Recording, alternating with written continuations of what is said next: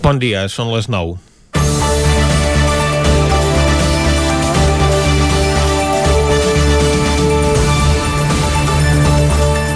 Aquesta Setmana Santa no tothom ha fet vacances pel bé de tots.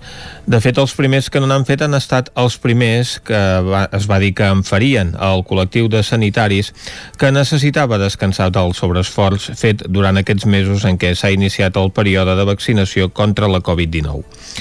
Aquest procés, però, està resultant un desgavell, tant per bé com per mal.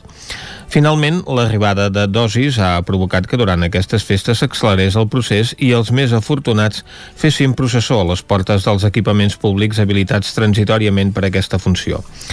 Pel que fa a les persones més grans i dependents, s'espera que en els propers dies ja puguin haver rebut almenys la primera dosi tots els majors de 80 anys. No deixa de ser una vergonya que més de 3 mesos després d'haver iniciat la vaccinació encara estiguem així. Però el fàrmac de Pfizer que s'administra a aquest col·lectiu va escàs i més encara quan els valents militars espanyols n'han arreplegat tantes dosis com han pogut perquè no es refien de la d'AstraZeneca, que es destina al comú de la població. Aquest increment de les dosis administrades permetrà mitigar els efectes de la quarta onada que s'espera després dels contactes socials que hauran estat conseqüència d'aquestes festes. Els contagis a hores d'ara continuen creixent i un dels llocs on més ho fa és el Moianès. Tot plegat no deixa de ser preocupant quan ja hi ha al voltant del 20% de la població immunitzada. Els uns de forma natural perquè malauradament han patit la malaltia i els altres perquè han rebut el vaccí. Ahir, el president del govern espanyol compareixia per anunciar la bona nova d'una pluja de dosis, fins a 87 milions entre els mesos d'abril i setembre. Pedro Sánchez va prometre tenir un 70% de la població vaccinada a finals d'agost, però el govern català no s'acaba de creure les xifres i només garanteix tenir immunitzats els majors de 65 anys pel juny.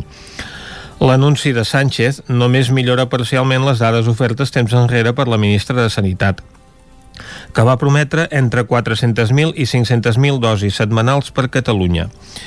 Que no sigui que tant optimisme per part del president del govern tingués a veure amb el tret de sortida postvacacional a la renyida campanya per les eleccions madrilenyes el 4 de maig. Allà la seva presidenta no s'ha quedat enrere i ha iniciat negociacions per aconseguir pel seu compte i risc la vacuna russa Sputnik sense tenir-ne competències i acusant d'inacció al govern central.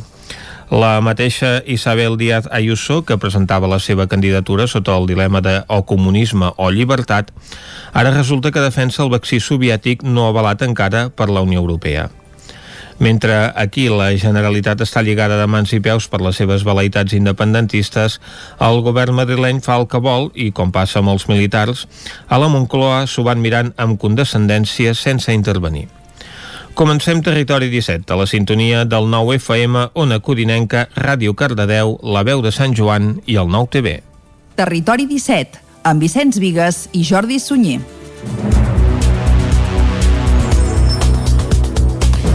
Són les 9 i 3 minuts del dimecres dia 7 d'abril de 2021. Comença aquí un nou Territori 17 que avui, com sempre, durant la primera hora us acostarà tota l'actualitat de les nostres comarques. Després, a partir de les 10, un nou butlletí informatiu. Avui parlarem de literatura, el Lletra Ferits. També tindrem el Territori Sostenible amb Jordi Givert, que avui ens parlarà de xampús ecològics. I acabarem fent un repàs a l'agenda cultural per aquest proper cap de setmana. Això ho farem a la part final d'un programa que arrenca ara tot fent un repàs a l'actualitat de les nostres comarques, les comarques del Ripollès, Osona, el Moianès i el Vallès Oriental.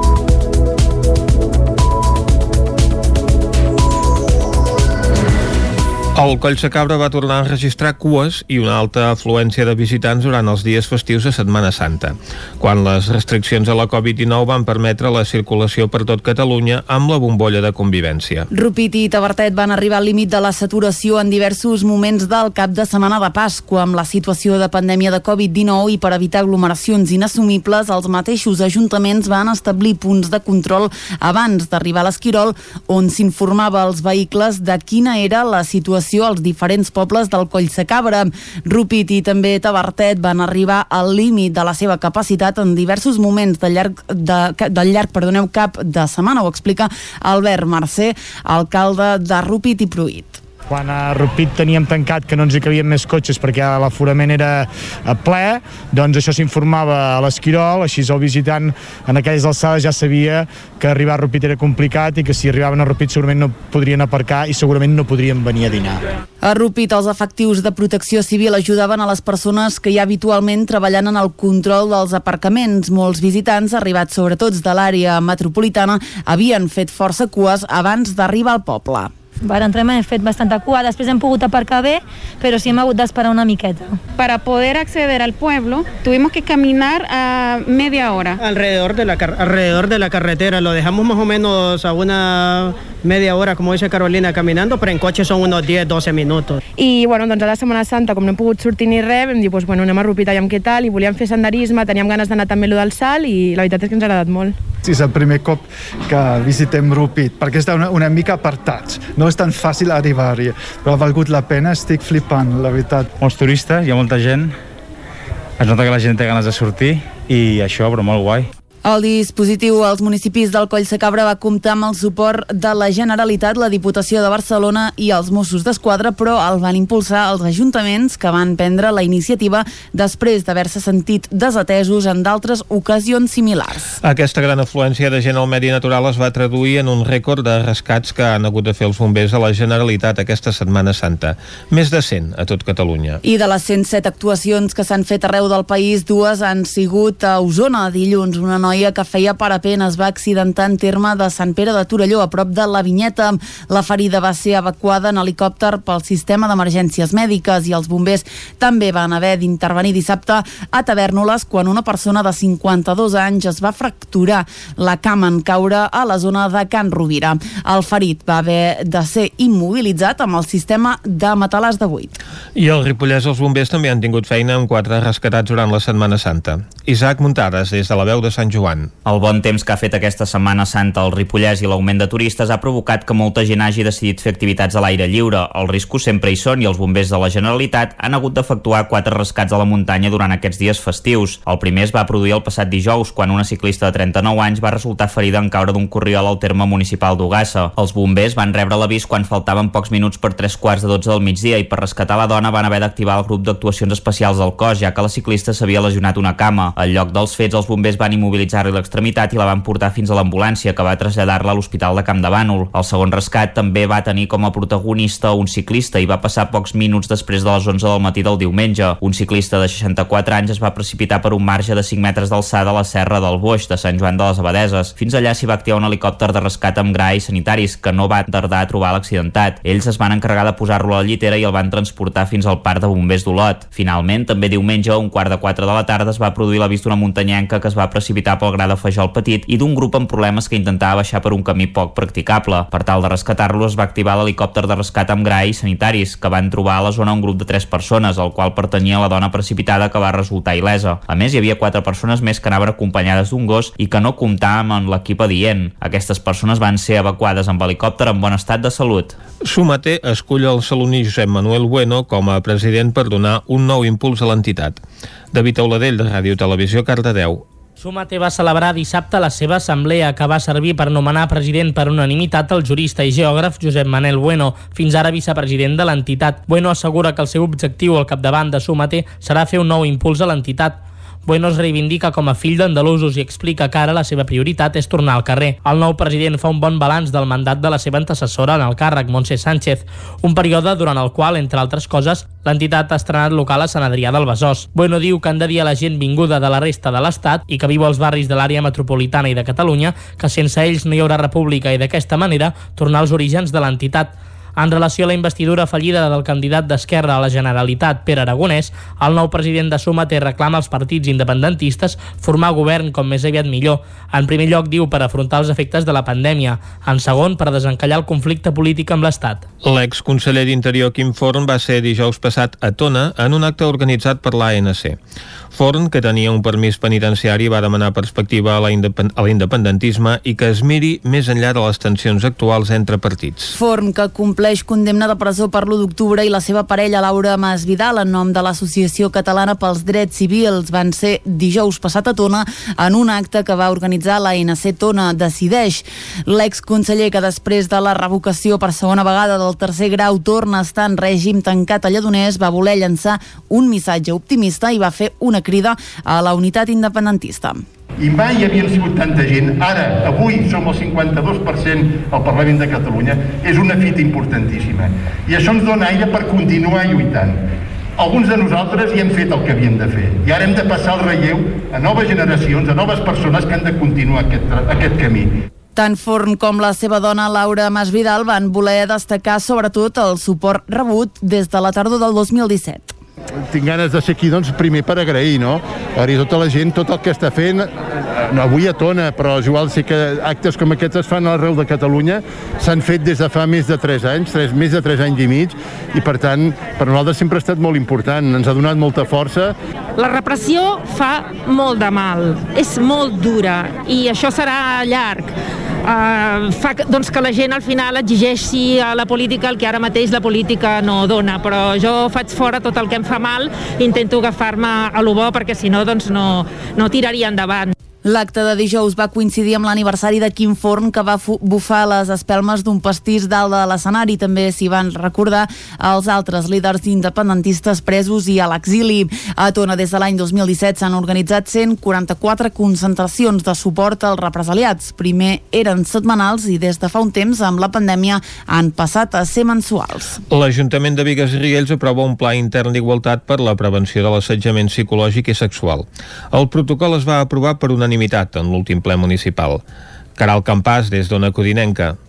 L'últim ple ordinari de l'Ajuntament de Vigues i Riells va presentar la proposta d'aprovació de dos documents relacionats amb la regidoria d'Igualtat. D'una banda, el Pla intern d'Igualtat i d'altra banda, el protocol per la prevenció de l'assetjament psicològic i sexual. Dues propostes que es van aprovar per unanimitat. Maite Escobares, regidora d'Igualtat. Um, aquest protocol ha estat treballat amb la mateixa comissió del Pla d'Igualtat i, per tant, també des del comitè d'empresa amb, tot, amb la seva participació i amb l'aprovació de tots. Atès que és voluntat d'aquest Ajuntament regular la problemàtica de l'assetjament psicològic i o sexual o per, per raó de, de sexe en les relacions laborals, establint un mètode que s'apliqui tant a la prevenció com a la ràpida solució de les reclamacions amb les degudes garanties, principis i drets fonamentals en el treball. Considerant que tota persona té dret a la igualtat i a la no discriminació, a la salvaguarda de la dignitat, a la integritat moral, a la, intimitat, a la intimitat i al treball. En aquesta línia també es va presentar i aprovar per unanimitat la moció a favor del ple reconeixement dels drets de les persones trans i en suport d'una llei transestatal. Tot i el coronavirus, aquest passat cap de setmana es van poder escoltar caramelles presencials a pobles com Folgueroles, Santa Eulàlia de Riu Primer, Vic i Sant Julià de Vilatorta. A Vic, com ja és habitual, la tradició caramellaire va a càrrec de la coral xicalla del barri de Santana. La cantada es va fer diumenge a la plaça Major, on s'hi van veure faixes, barretines i també mascaretes. El concert es va fer sense escenari, sense assajos presencials previs i va comptar amb la col·laboració dels eixerits de GURB. Des de la xicalla ja treballava treballaven en aquest format des de principis d'any, ho explica Roser Pugès, directora de la Coral Xicalla del barri de Santana de Vic. Tot l'equip de Xicalla, eh, pels vols de gener-febrer, vam començar a pensar quines propostes podríem fer, perquè evidentment la cantada tradicional ja no la vam poder fer l'any passat, estàvem confinats, i aquest any preveiem que la tradicional tal com es feia tampoc la podríem fer, i que en el millor dels casos ho poguéssim fer, ja ho sabíem fer d'aquella manera, i que en tot cas havíem d'inventar-nos alguna proposta diferent. Llavors ha estat com una evolució que esperem que l'any que ve ja pugui ser una cantada com fèiem habitualment i a Sant Julià de Vilatorta, el bressol caramellaire de Catalunya, també es van escoltar caramelles. Això sí, no van ser en el format habitual amb els caramellaires del Roser voltant pel poble, sinó amb un concert a càrrec de la Copla Vilatorta, que va debutar especialment per l'ocasió. El seu director és el biguetà Jofre Bardolet. És el segon any consecutiu que els caramellaires no poden, no poden sortir el dia de Pasqua a cantar uh, i no podia ser que un poble com Sant Julià, amb tanta tradició, amb 400 anys d'història de caramelles, uh, es quedés sense caramelles el dia de Pasqua, no? Llavors doncs, va sortir la idea d'aprofitar que moltes de les caramelles que canten els caramellaires són de fet sardanes, són sardanes escrites originalment per Copla al repertori de la Copla s'hi van poder escoltar títols emblemàtics com Rosadera o Dolçament i també s'hi va estrenar la sardana Vila Tortina escrita pel mateix Bardolet. Pel que fa al públic, tothom qui va acudir ho va fer amb cita prèvia, ho detalla l'alcalde de Sant Julià, Joan Carles Rodríguez a través de l'Infovilatorta app, que és una aplicació eh, per tota la gent que viu a Sant Julià que es poden descarregar, es podien reservar a plaça a través d'aquesta aplicació i a partir d'aquí doncs, eh, eh, per això l'aforament és, és limitat i també hi ha controls d'accés a la plaça. Ho fem com podem i demanem a la gent que prengui paciència perquè si algú ve i resulta que no té lloc, doncs eh, l'acte ha tingut bastant ressò, esperem una afluència de gent considerable i preguem doncs, paciència a tothom. I a part de paciència, tant públic com músics van compartir un mateix desig que l'any vinent puguin tornar les caramelles de tota la vida. I fins aquí el butlletí informatiu que us hem ofert amb les veus de Vicenç Vigues, Clàudia Dinarès, David Auladell, Caral Campàs i Isaac Muntades. Ara el que toca, com sempre, en aquest punt és fer una ullada a la situació meteorològica.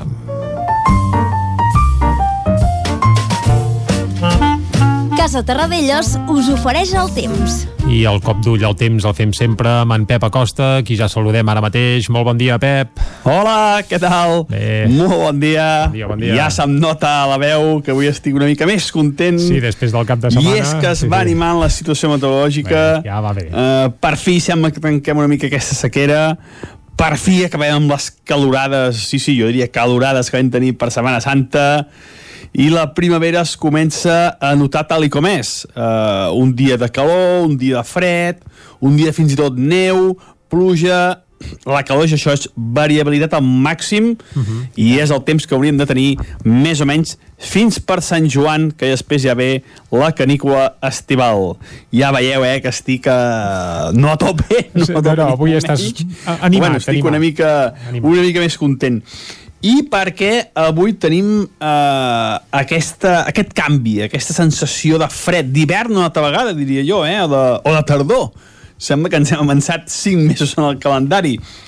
Doncs perquè tenim una llengua d'aire fred que procedeix ben bé de l'Àrtic, eh, que està provocant, eh, faig un petit parèntesi ara, està provocant una situació bastant important de neu cap al centre d'Europa, a mitjans d'abril ja, és una situació bastant insòlita, bastant insòlita, la que està provocant aquestes nevades cap a Bèlgica, cap als Països Baixos, també a França.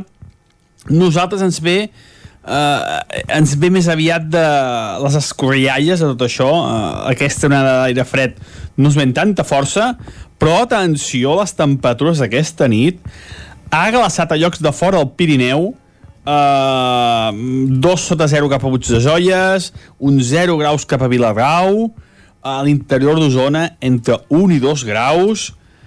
Atenció, perquè ja aviso, les pròximes nits pot glaçar una altra vegada fora del Pirineu, eh, pagesia, eh, zones on hi ha flors, una mica de precaució perquè mm, pot haver-hi glaçades una mica, una mica intenses i extenses, no moltes hores de glaçada, això ja no, uh, però pot ser una situació una mica, com diríem, una mica complicada per la pagesia uh, aquestes uh, dues, tres nits. Mm, Per tant, una mica de, una mica de precaució uh, en, aquest, en aquest món de, de l'hort i, de, i, del, i de les plantes, eh, els pocs dies.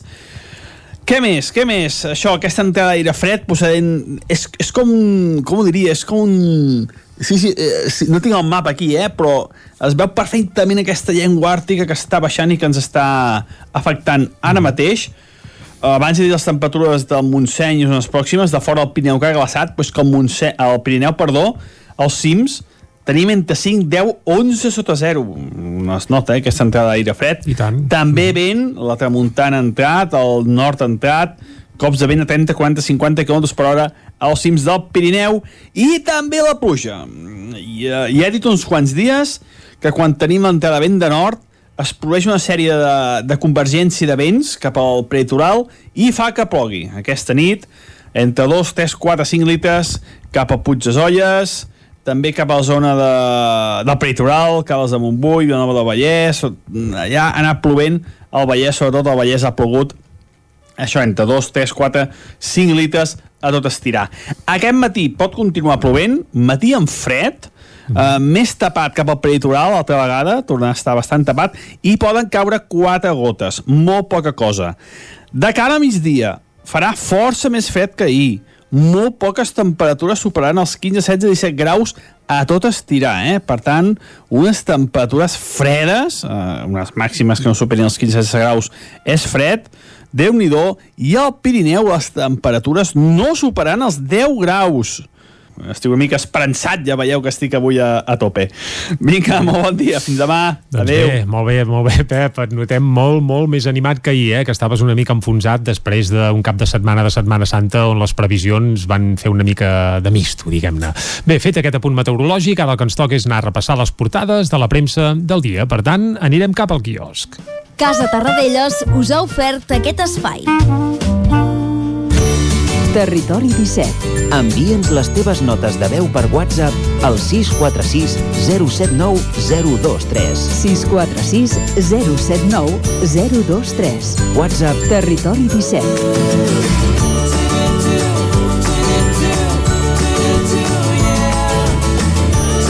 Territori 17. Som a Facebook, Twitter i Instagram amb l'usuari Territori 17.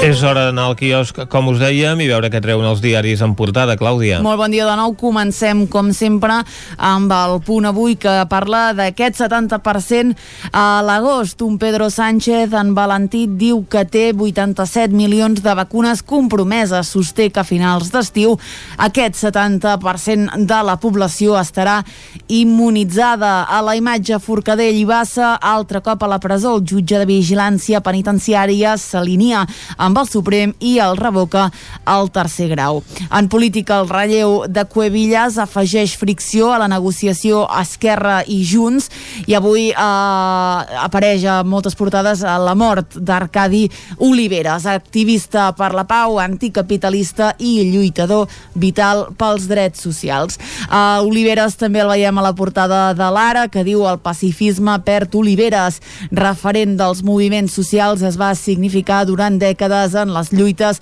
del carrer. El titular principal, però, fa referència a la pandèmia, concretament a Pedro Sánchez, que ahir va dir que es triplicarà l'arribada de vacunes. Va parlar de 33 milions, és la xifra de vacunats que espera assolir a Espanya a finals del mes d'agost. La previsió de la Moncloa és que l'estat d'alarma s'acabi el 9 de maig. Qui veiem també a la imatge de portada és a Carme Forcadell i a Dolors Bassa, diu retorn a la presó. Amb aquest titular anem al periòdico que diu hostaleria i cultura deixen 400.000 aturats el primer any de la Covid-19. A Espanya s'acosta als 4 milions d'aturats malgrat que al març es va crear ocupació. A la imatge, el vacunòdrom de París, l'estadi més gran de França, es converteix en un centre de vacunació massiva i les autoritats preveuen immunitzar alerta 10.000 persones per setmana. A Espanya, Pedro Sánchez espera tenir 33 milions, com dèiem, de persones vacunades aquest estiu. I acabem amb l'avantguàrdia que diu precisament això, eh, que Sánchez anuncia el final de l'alarma el dia 9 de maig i vacunes massives. A la imatge, Forcadell i Bassa tornen a la presó. L'FMI preveu un creixement mundial rècord aquest any per l'impuls dels Estats Units i de la Xina i, com dèiem a l'inici, adeu Arcadi Oliveres, referent de l'activisme social. Anem a Madrid a veure què treuen els diaris d'allà. Comencem amb el país que diu Sánchez promet 85 milions de vacunes en només 6 mesos. Espanya rebrà aquest trimestre el triple de dosis que de gener a març. La pandèmia, diu, destrueix en un any 438.000 llocs de treball i un empresari afí al Partit Popular, ambaixador de l'Sputnik a Espanya, l'Sputnik que és la vacuna russa.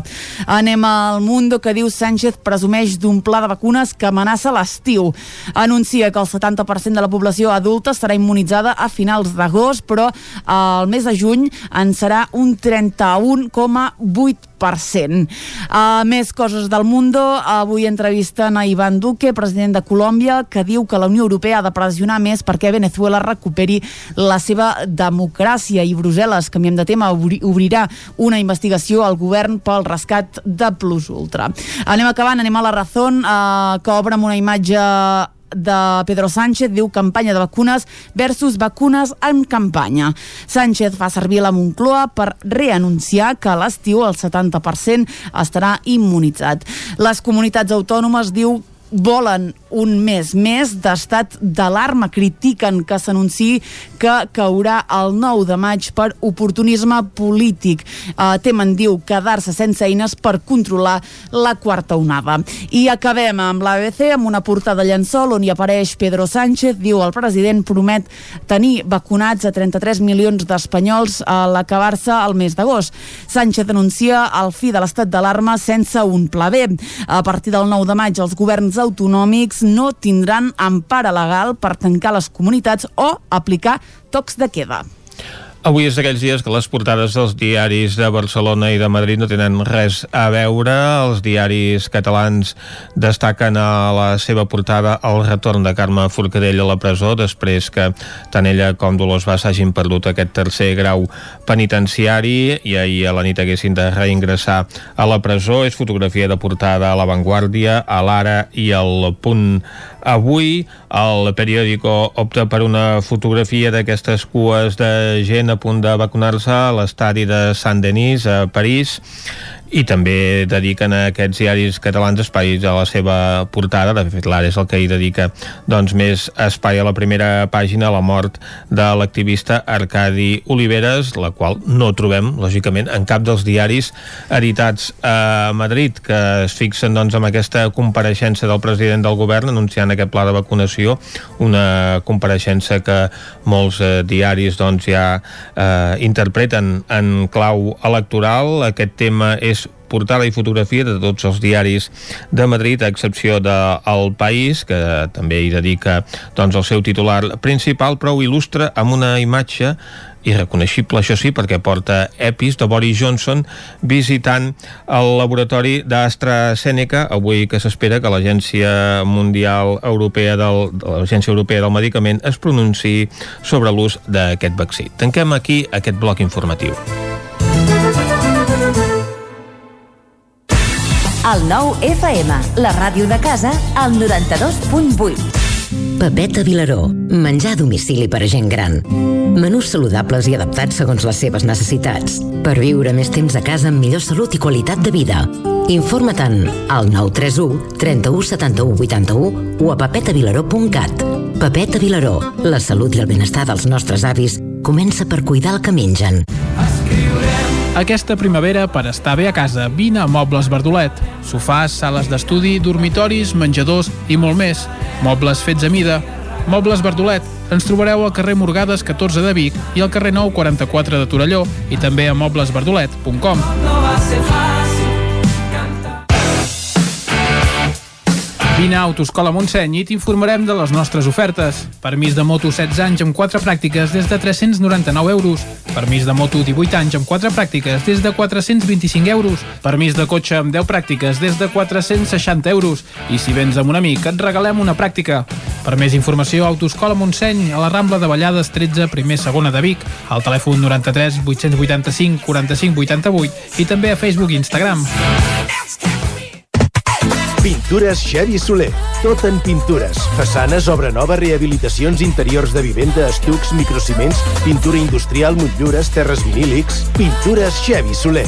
Ens agrada assessorar-vos i fer de casa vostra el millor lloc del món. Ens trobareu a Manlleu, al carrer Sogorb 113, telèfon 616 15 87 33 o 93 851 3504. A Aquari Jordi hi trobaràs periquitos, canaris i tot tipus d'ocells, conills, hàmster, ratolins, rates índies, peixos tropicals i molt més. Aquaris, tortugues, joguines i tots els complements i menjars per tot tipus d'animals. Vine a informar-te de totes les nostres ofertes. Aquari Jordi som al carrer Nou número 34 de Vic i també a Instagram. Vols gaudir d'un bon arròs a casa sense no haver d'embrutar ni preocupar-te per res? La Fogonera, paelles per emportar. Un seguit de paelles, tapes, platets i postres casolans pensats per a paladars exigents. Ara més fem menús per a petits grups de comensals. La Fogonera, la rosseria de paelles per emportar a GURB i que també et portem a casa. Telèfon 93 851 55 75 i a lafogonera.cat. I quan cau la nit, Pupurri Culinari, solucions per sopar les nits de divendres i dissabte.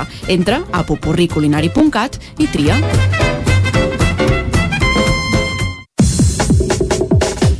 La ràdio de casa al 92.8. El 9 FM.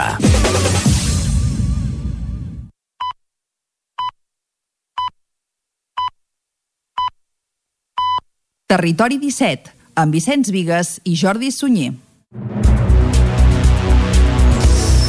Dos quarts de deu en punt del matí, seguim en directe aquí a Territori 17 i us farem companyia fins a les 12 del migdia. De seguida el que toca ara és acostar-vos de nou tota l'actualitat de les nostres comarques i després, com que som dimecres, doncs les seccions habituals dels dimecres aquí a Territori 17. Avui, per exemple, anirem a Lletra Ferits per parlar de la literatura, també tindrem el Territori Sostenible, avui en Jordi Givert des d'Ona Codinenca ens parlarà de xampús ecològics i acabarem fent un repàs a l'agenda cultural per aquest proper cap de setmana amb actes a teatres, auditoris, concerts i el que faci falta. A més a més també tindrem temps de descobrir algun racó del nostre territori. Avui anirem a Gombrèn, passarem per la R3 com fem cada dia i també tindrem entrevista. Avui a l'entrevista parlarem amb Andrea Moreno, la portaveu del Sindicat d'Habitatge del Moianès. Ja veieu que encara tenim molta feina. El que toca per això ara mateix és acostar-vos de nou l'actualitat de casa nostra, l'actualitat de les comarques del Ripollès, Osona, el Moianès i el Vallès Oriental.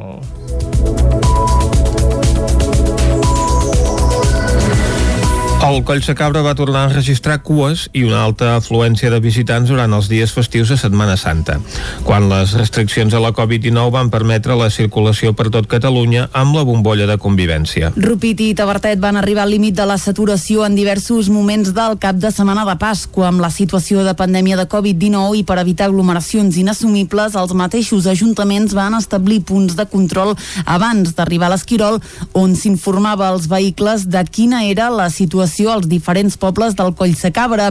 Rupit i també Tabertet van arribar al límit de la seva capacitat en diversos moments del llarg, de, del llarg perdoneu, cap de setmana, ho explica Albert Mercè, alcalde de Rupit i Pruit. Quan a Rupit teníem tancat que no ens hi cabien més cotxes perquè l'aforament era ple, doncs això s'informava a l'Esquirol, així el visitant en aquelles alçades ja sabia que arribar a Rupit era complicat i que si arribaven a Rupit segurament no podrien aparcar i segurament no podrien venir a dinar. A Rupit, els efectius de protecció civil ajudaven a les persones que ja habitualment treballen en el control dels aparcaments. Molts visitants, arribats sobretot de l'àrea metropolitana, havien fet força cues abans d'arribar al poble. Para entrar hem fet bastanta cua, després hem pogut aparcar bé, però sí hem hagut d'esperar una miqueta. Para poder acceder al pueblo, tuvimos que caminar a media hora. Alrededor de la, alrededor de la carretera, lo dejamos más o menos a una media hora, como dice Carolina, caminando, però en cotxe són unos 10-12 minuts. I, bueno, doncs a la Setmana Santa, com no hem pogut sortir ni res, vam dir, pues, bueno, anem a Rupit, aviam què tal, i volíem fer senderisme, teníem ganes d'anar també a lo del salt, i la veritat és que ens ha agradat molt. Sí, és el primer cop que visitem Rupit, perquè està una, una mica apartats. No és tan fàcil arribar-hi, però ha valgut la pena, estic flipant, la veritat. Molts turistes, hi ha molta gent, es nota que la gent té ganes de sortir i això, però molt guai. El dispositiu als municipis del Coll Sacabra va comptar amb el suport de la Generalitat, la Diputació de Barcelona i els Mossos d'Esquadra, però el van impulsar els ajuntaments que van prendre la iniciativa després d'haver-se sentit desatesos en d'altres ocasions similars. Aquesta gran afluència de gent al medi natural es va traduir en un rècord de rescats que han hagut de fer els bombers a la Generalitat aquesta Setmana Santa. Més de 100 a tot Catalunya. I de les 107 actuacions que s'han fet arreu del país, dues han sigut a Osona dilluns. Una noia noia que feia parapent es va accidentar en terme de Sant Pere de Torelló, a prop de la Vinyeta. La ferida va ser evacuada en helicòpter pel sistema d'emergències mèdiques i els bombers també van haver d'intervenir dissabte a Tavernoles quan una persona de 52 anys es va fracturar la cama en caure a la zona de Can Rovira. El ferit va haver de ser immobilitzat amb el sistema de matalàs de buit. I al Ripollès els bombers també han tingut feina amb quatre rescatats durant la Setmana Santa. Isaac Muntades, des de la veu de Sant Joan. El bon temps que ha fet aquesta Setmana Santa al Ripollès i l'augment de turistes ha provocat que molta gent hagi decidit fer activitats a l'aire lliure. Els riscos sempre hi són i els bombers de la Generalitat han hagut d'efectuar quatre rescats a la muntanya durant aquests dies festius. El primer es va produir el passat dijous, quan una ciclista de 39 anys va resultar ferida en caure d'un corriol al terme municipal d'Ugassa. Els bombers van rebre l'avís quan faltaven pocs minuts per tres quarts de 12 del migdia i per rescatar la dona van haver d'activar el grup d'actuacions especials del cos, ja que la ciclista s'havia lesionat una cama. Al lloc dels fets, els bombers van immobilitzar-li l'extremitat i la van portar fins a l'ambulància, que va traslladar-la a l'Hospital de Camp de Bànol. El segon rescat també va tenir com a protagonista un ciclista i va passar pocs minuts després de les 11 del matí del diumenge. Un ciclista de 64 anys es va precipitar per un marge de 5 metres d'alçada a la serra del Boix, de Sant Joan de les Abadeses. Fins allà s'hi va activar un helicòpter de rescat amb gra i sanitaris, que no va tardar a trobar l'accidentat. Ells es van encarregar de posar-lo a la llitera i el van transportar fins al parc de bombers d'Olot. Finalment, també diumenge, a un quart de quatre de la tarda, es va produir l'avís d'una muntanyenca que es va precipitar pel gra de Fajol Petit i d'un grup amb problemes que intentava baixar per un camí poc practicable. Per tal de rescatar-lo, es va activar l'helicòpter de rescat amb gra i sanitaris, que van trobar a la zona un grup de tres persones, al qual pertanyia la dona precipitada que va resultar il·lesa. A més, hi havia quatre persones més que anaven acompanyades d'un gos i que no comptàvem amb l'equip adient. Aquestes persones van ser evacuades amb helicòpter en bon estat de salut. Sumater escull el saloní Josep Manuel Bueno com a president per donar un nou impuls a l'entitat. David Auladell, de Ràdio Televisió, Cardedeu. Sumate va celebrar dissabte la seva assemblea que va servir per nomenar president per unanimitat el jurista i geògraf Josep Manel Bueno, fins ara vicepresident de l'entitat. Bueno assegura que el seu objectiu al capdavant de Sumate serà fer un nou impuls a l'entitat. Bueno es reivindica com a fill d'andalusos i explica que ara la seva prioritat és tornar al carrer. El nou president fa un bon balanç del mandat de la seva antecessora en el càrrec, Montse Sánchez, un període durant el qual, entre altres coses, l'entitat ha estrenat local a Sant Adrià del Besòs. Bueno diu que han de dir a la gent vinguda de la resta de l'Estat i que viu als barris de l'àrea metropolitana i de Catalunya que sense ells no hi haurà república i d'aquesta manera tornar als orígens de l'entitat. En relació a la investidura fallida del candidat d'Esquerra a la Generalitat, Pere Aragonès, el nou president de Sumate reclama als partits independentistes formar govern com més aviat millor. En primer lloc, diu, per afrontar els efectes de la pandèmia. En segon, per desencallar el conflicte polític amb l'Estat. L'exconseller d'Interior Quim Forn va ser dijous passat a Tona en un acte organitzat per l'ANC. Forn, que tenia un permís penitenciari, va demanar perspectiva a l'independentisme i que es miri més enllà de les tensions actuals entre partits. Forn, que compleix condemna de presó per l'1 d'octubre i la seva parella Laura Masvidal en nom de l'Associació Catalana pels Drets Civils van ser dijous passat a Tona en un acte que va organitzar la NC Tona Decideix.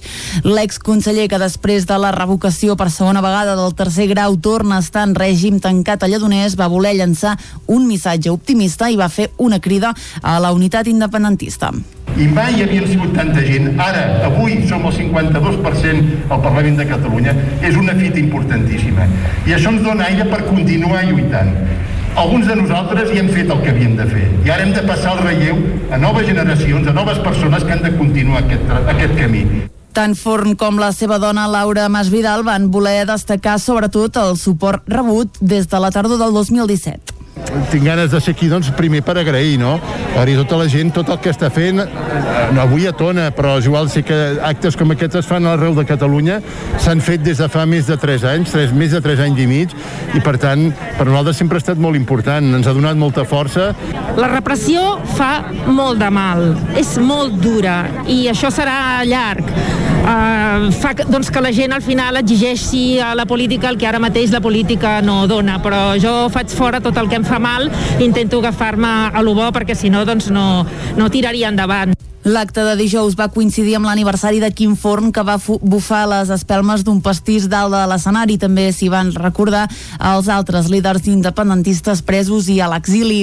A Tona, des de l'any 2017, s'han organitzat 144 concentracions de suport als represaliats. Primer eren setmanals i des de fa un temps, amb la pandèmia, han passat a ser mensuals. L'Ajuntament de Vigues i Riells aprova un pla intern d'igualtat per la prevenció de l'assetjament psicològic i sexual. El protocol es va aprovar per una unanimitat en l'últim ple municipal. Caral Campàs, des d'Ona Codinenca.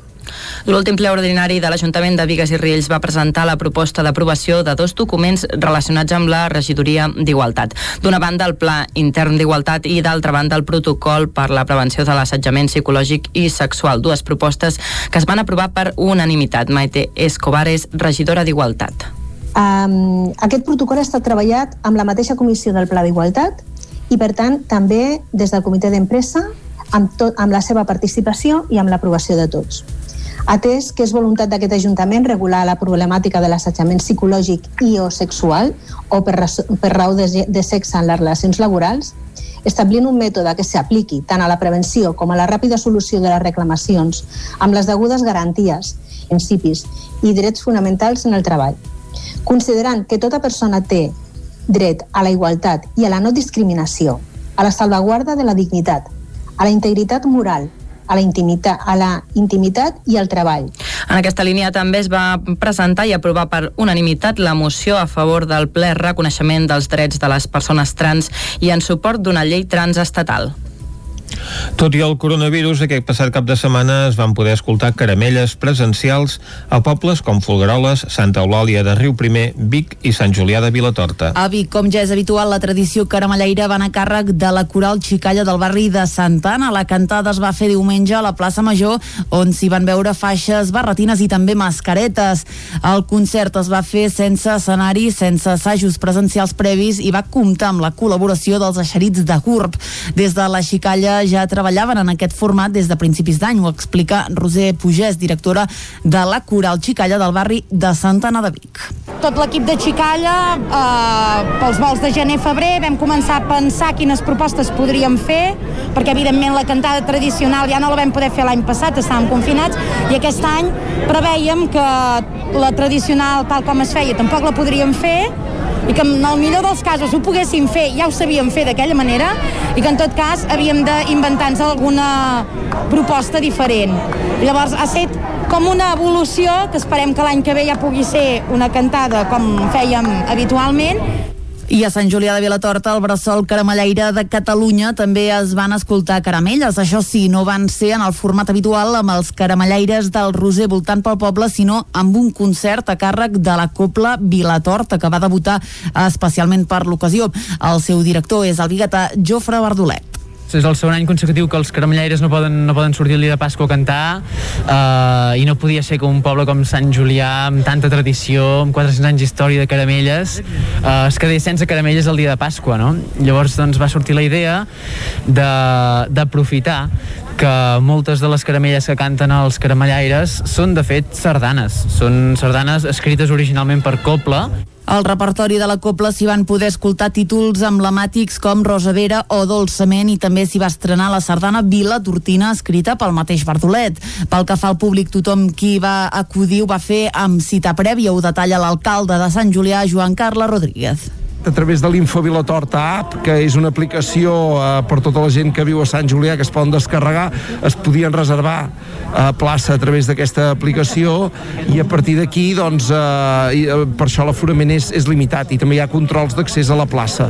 Ho fem com podem i demanem a la gent que prengui paciència perquè si algú ve i resulta que no té lloc, doncs eh, l'acte ha tingut bastant ressò, esperem una afluència de gent considerable i preguem doncs paciència a tothom. I a part de paciència, tant públic públic com músics van compartir un mateix desig, que l'any vinent puguin tornar les caramelles de tota la vida. I fins aquí el butlletí informatiu que us hem ofert amb les veus de Vicenç Vigues, Clàudia Dinarès, David Auladell, Caral Campàs i Isaac Muntades. Ara el que toca, com sempre, en aquest punt és fer una ullada a la situació meteorològica.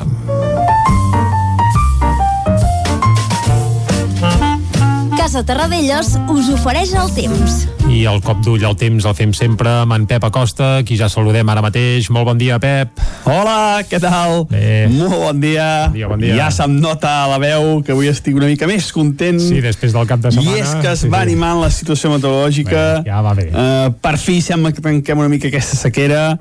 Per fi acabem amb les calorades, sí, sí, jo diria calorades que vam tenir per Setmana Santa i la primavera es comença a notar tal i com és. Uh, un dia de calor, un dia de fred, un dia fins i tot neu, pluja, la calor és això, és variabilitat al màxim uh -huh. i és el temps que hauríem de tenir més o menys fins per Sant Joan, que després ja ve la canícula estival. Ja veieu, eh, que estic uh, no a tope, no, Sí, a tope no, avui estàs animat, bueno, estic animat. una mica, una mica més content i perquè avui tenim eh, aquesta, aquest canvi, aquesta sensació de fred, d'hivern una altra vegada, diria jo, eh, o, de, o de tardor. Sembla que ens hem avançat 5 mesos en el calendari. Doncs perquè tenim una llengua d'aire fred que procedeix ben bé de l'Àrtic, eh, que està provocant, eh, faig un petit parèntesi ara, està provocant una situació bastant important de neu cap al centre d'Europa, a mitjans d'abril ja, és una situació bastant insòlita, bastant insòlita, la que està provocant aquestes nevades cap a Bèlgica, cap als Països Baixos, també a França. Nosaltres ens ve eh, ens ve més aviat de les escorrialles de tot això. Uh, aquesta onada d'aire fred no es ven tanta força però atenció a les temperatures d'aquesta nit. Ha glaçat a llocs de fora del Pirineu. Uh, dos sota 0 cap a Puig de Joies, un 0 graus cap a Vilagrau, a l'interior d'Osona entre 1 i 2 graus. Atenció, perquè ja aviso, les pròximes nits pot glaçar una altra vegada fora del Pirineu, eh, pagesia, eh, zones on hi ha flors, una mica de precaució perquè mm, pot haver-hi glaçades una mica una mica intenses i extenses. No moltes hores de glaçada, això ja no uh, però pot ser una situació una mica, com diríem, una mica complicada per la pagesia aquestes uh, dues, tres nits Mm, per tant una mica de, una mica de precaució uh, en, aquest, en aquest món de, de l'hort i, de, i, del, i de les plantes eh, els pocs dies què més? Què més? Això, aquesta entrada d'aire fred procedent... És, és com... Com ho diria? És com un... Sí, sí, eh, sí, no tinc el mapa aquí, eh, però es veu perfectament aquesta llengua àrtica que està baixant i que ens està afectant ara mateix. Eh, abans he dit les temperatures del Montseny i zones pròximes, de fora del Pirineu que ha glaçat, doncs com Montseny, el Pirineu, perdó, els cims, tenim entre 5, 10, 11 sota 0. No es nota, eh, aquesta entrada d'aire fred. I tant. També vent, la tramuntana ha entrat, el nord ha entrat, cops de vent a 30, 40, 50 km per hora als cims del Pirineu i també la pluja. I, eh, ja he dit uns quants dies que quan tenim l'entrada de vent de nord es produeix una sèrie de, de convergència de vents cap al prelitoral i fa que plogui. Aquesta nit, entre 2, 3, 4, 5 litres cap a Puig de Zolles, també cap a la zona de, del prelitoral, cap als de Montbui, de Nova del Vallès, allà ha anat plovent al Vallès, sobretot al Vallès ha plogut això entre 2, 3, 4, 5 litres a tot estirar.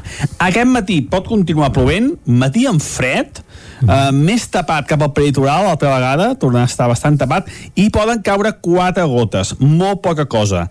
De cara a migdia, farà força més fred que ahir, molt poques temperatures superaran els 15, 16, 17 graus a tot estirar, eh? Per tant, unes temperatures fredes, eh, unes màximes que no superin els 15, 16 graus, és fred, déu nhi i al Pirineu les temperatures no superaran els 10 graus.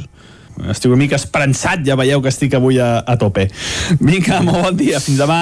Doncs Adéu. bé, molt bé, molt bé, Pep. Et notem molt, molt més animat que ahir, eh? que estaves una mica enfonsat després d'un cap de setmana de Setmana Santa on les previsions van fer una mica de misto, diguem-ne. Bé, fet aquest apunt meteorològic, ara el que ens toca és anar a repassar les portades de la premsa del dia. Per tant, anirem cap al quiosc. Casa Tarradellas us ha ofert aquest espai.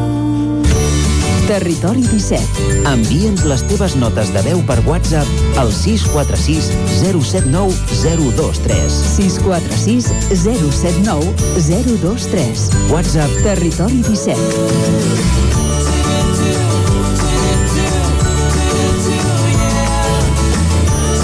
Territori 17. Som a Facebook, Twitter i Instagram amb l'usuari Territori 17.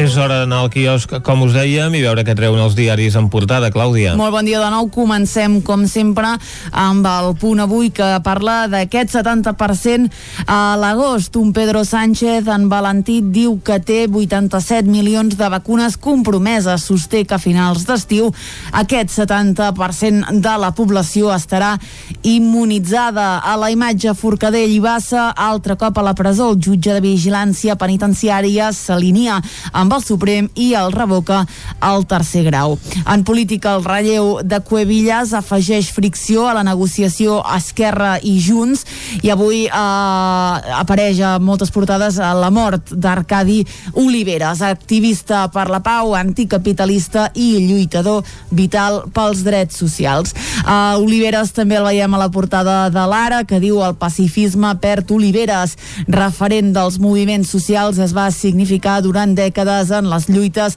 del carrer.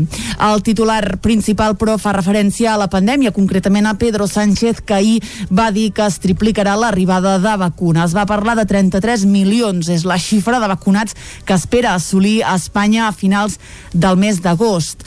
La previsió de la Moncloa és que l'estat d'alarma s'acabi el 9 de maig. Qui veiem també a la imatge de portada és a Carme Forcadell i a Dolors Bassa, diu retorn a la presó. Amb aquest titular anem al periòdico que diu hostaleria i cultura deixen 400.000 aturats el primer any de la Covid-19. A Espanya s'acosta als 4 milions d'aturats malgrat que al març es va crear ocupació. A la imatge, el vacunòdrom de París, l'estadi més gran de França es converteix en un centre de vacunació massiva i les autoritats preveuen immunitzar alerta 10.000 persones per setmana. A Espanya, Pedro Sánchez espera tenir 33 milions, com dèiem, de persones vacunades aquest estiu. I acabem amb l'avantguàrdia que diu precisament això, eh, que Sánchez anuncia el final de l'alarma el dia 9 de maig i vacunes massives. A la imatge, Forcadell i Bassa tornen a la presó. L'FMI preveu un creixement mundial rècord aquest any per l'impuls dels Estats Units i de la Xina i, com dèiem a l'inici, adeu a Arcadi Oliveres, referent de l'activisme social. Anem a Madrid a veure què treuen els diaris d'allà. Comencem amb el país que diu Sánchez promet 85 milions de vacunes en només 6 mesos. Espanya rebrà aquest trimestre el triple de dosis que de gener a març. La pandèmia, diu, destrueix en un any 438.000 llocs de treball i un empresari afí al Partit Popular, ambaixador de l'Sputnik a Espanya, l'Sputnik que és la vacuna russa. Anem al Mundo que diu Sánchez presumeix d'un pla de vacunes que amenaça l'estiu. Anuncia que el 70% de la població adulta estarà immunitzada a finals d'agost, però al mes de juny en serà un 31,8%. Uh, més coses del Mundo. Avui entrevisten a Ivan Duque, president de Colòmbia, que diu que la Unió Europea ha de pressionar més perquè Venezuela recuperi la seva democràcia i Brussel·les, canviem de tema, obri obrirà una investigació al govern pel rescat de Plus Ultra. Anem acabant, anem a la Razón, uh, que obre amb una imatge de Pedro Sánchez diu campanya de vacunes versus vacunes en campanya.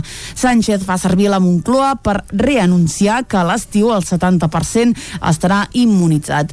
Les comunitats autònomes diu volen un mes més d'estat d'alarma. Critiquen que s'anunciï que caurà el 9 de maig per oportunisme polític.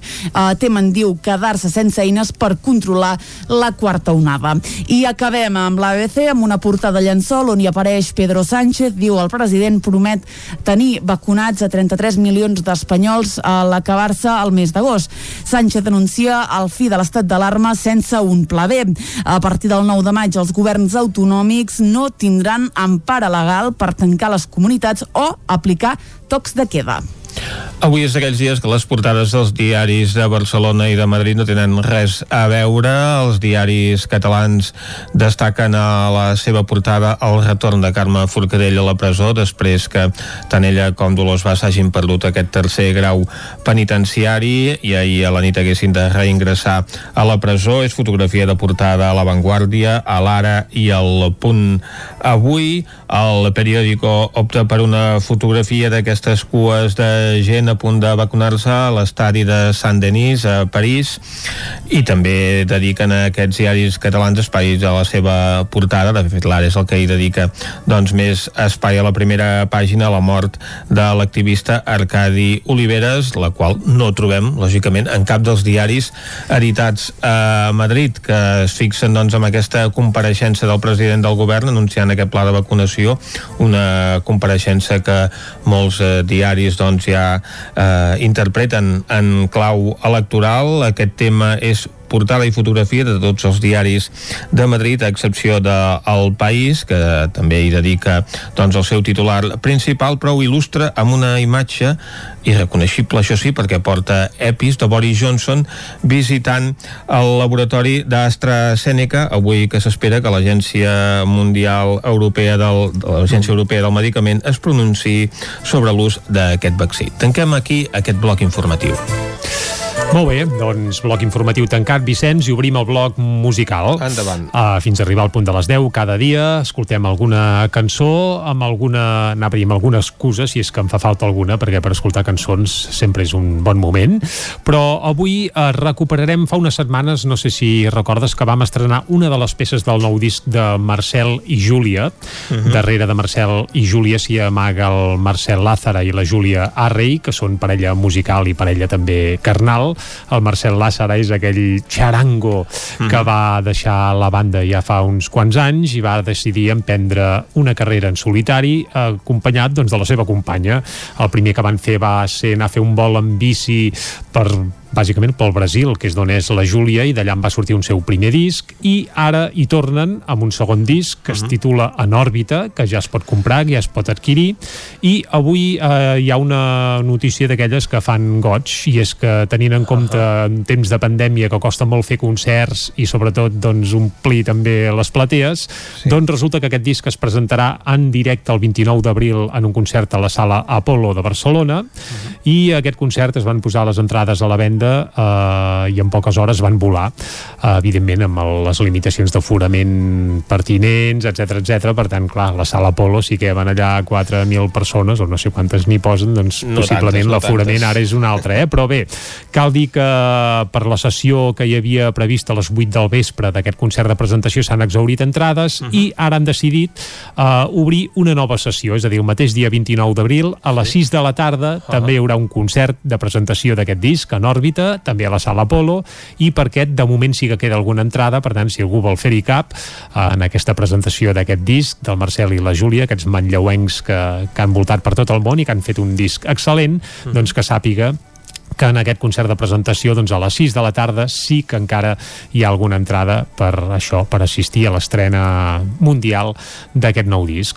I com que parlem d'aquest disc, el que farem és escoltar-ne una de les peces, precisament i escoltarem uh, Millor amb tu mhm. una peça fantàstica que té un aire molt xarango, eh? Clar, es nota d'on uh. ve el Marcel i la veritat és que en aquest segon disc, el primer del Marcel i la Júlia era molt bé, molt no acústic, molt bé, allò fet uh, molt casolà, amb poca instrumentació, en aquest segon no s'han estat de res, hi ha una banda al darrere d'autèntic luxe i la veritat és que sona això, com una banda molt i molt potent, potser no és rock de festa major, però, però Déu-n'hi-do, déu nhi déu Escoltem millor amb tu Endavant. i amb aquesta peça arribarem fins al punt de les 10. Un cant a salvar la terra i el medi ambient perquè la veritat és que tot el disc té aquest tarannà, eh? així molt ecologista i molt verd. Amb això arribem fins al punt de les 10 aquí a Territori 17. Anem. Llibres plens de pols Ara que el mar és massa dolç i que l'amor li falta sal.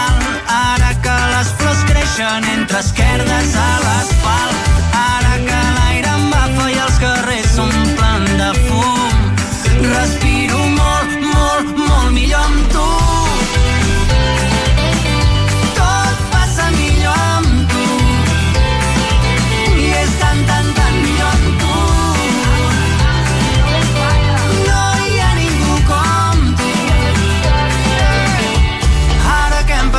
son. Ara que fallen les alarmes, ara que els hiverns no hi són, ara que s'obren armes, faltaran ocells al món.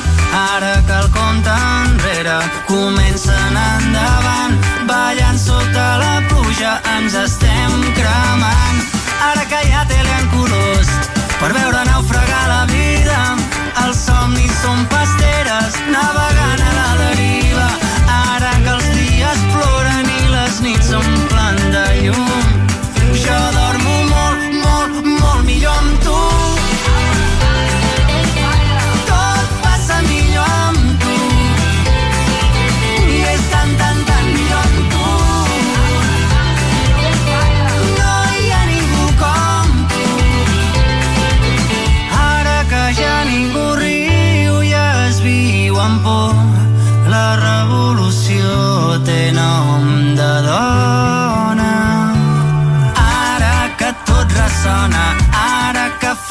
Peces, ara que res puzzle amb presses.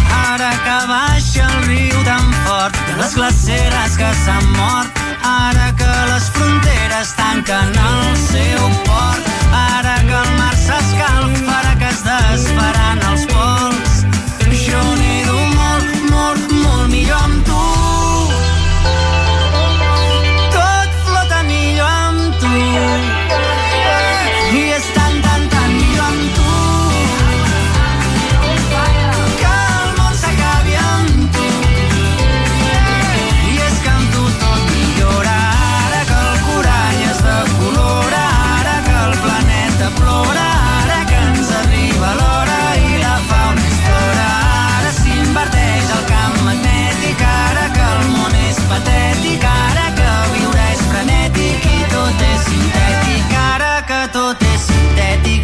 És molt més natural amb tu.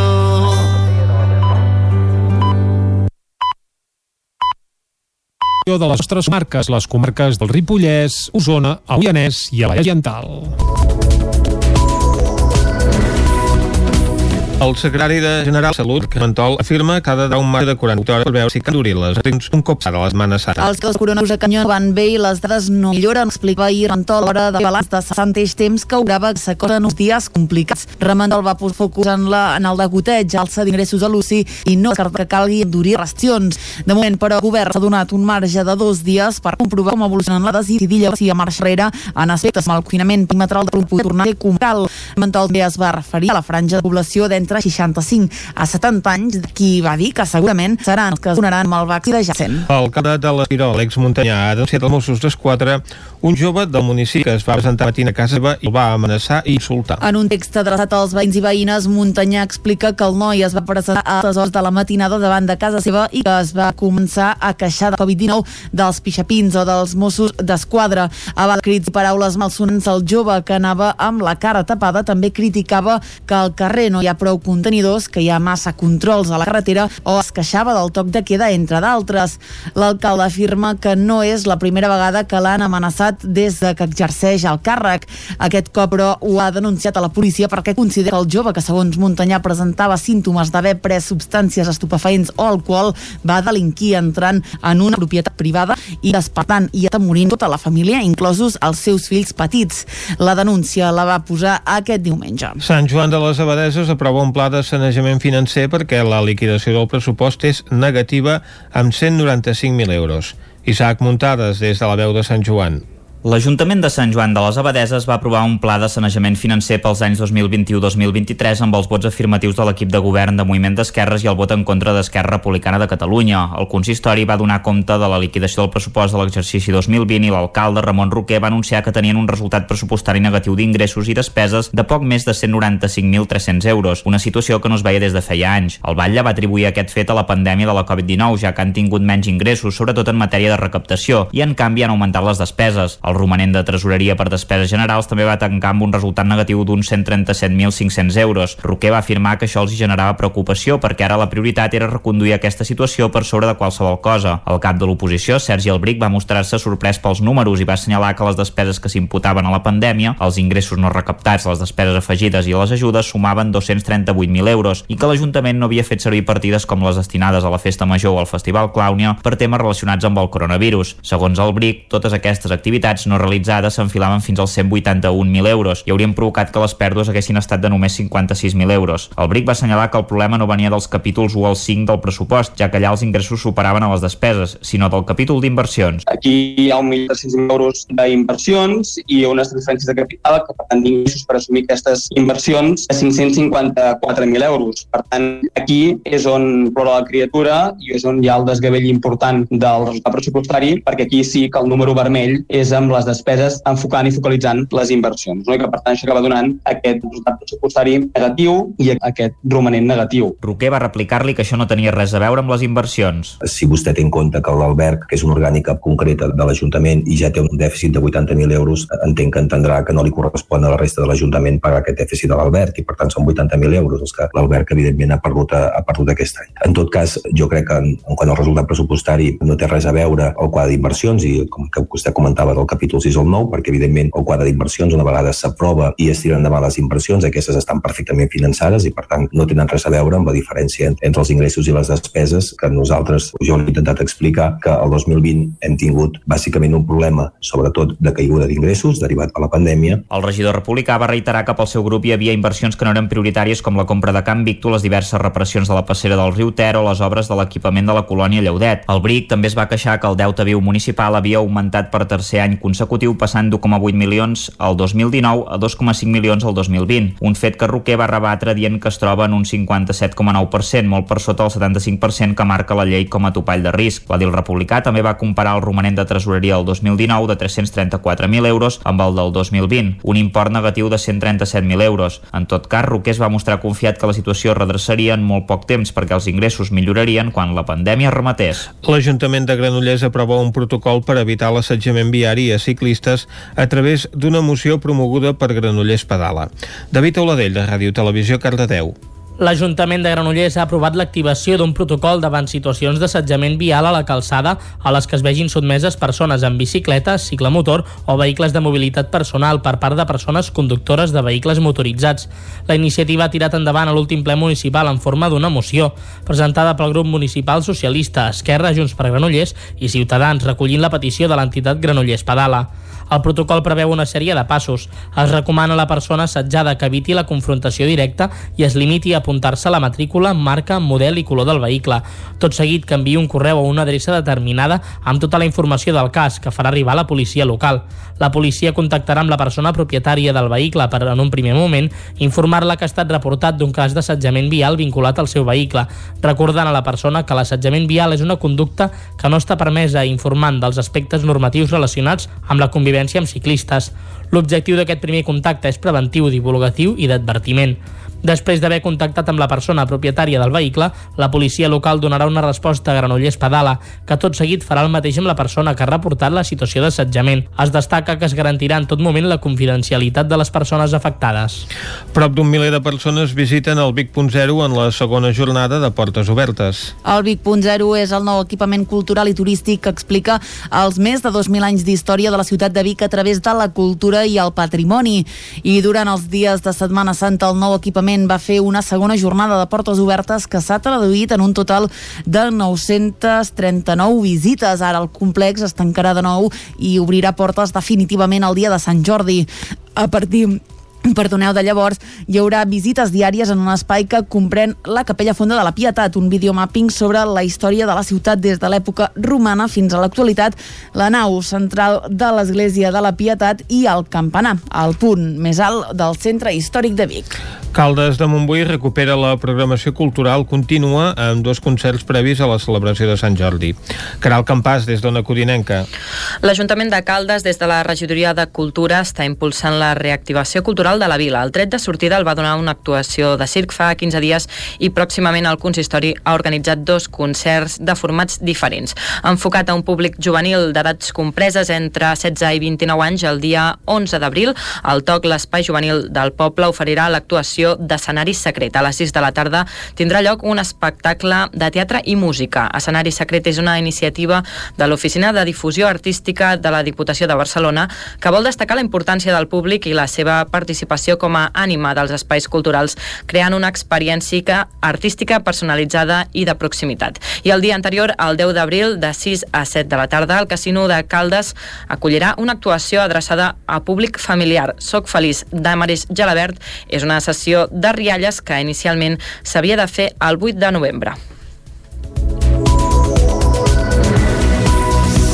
I fins aquí el butlletí informatiu que us hem ofert, com sempre, amb les veus de Vicenç Vigues, Clàudia Dinarès, David Auladell, Caral Campàs i Isaac Muntades.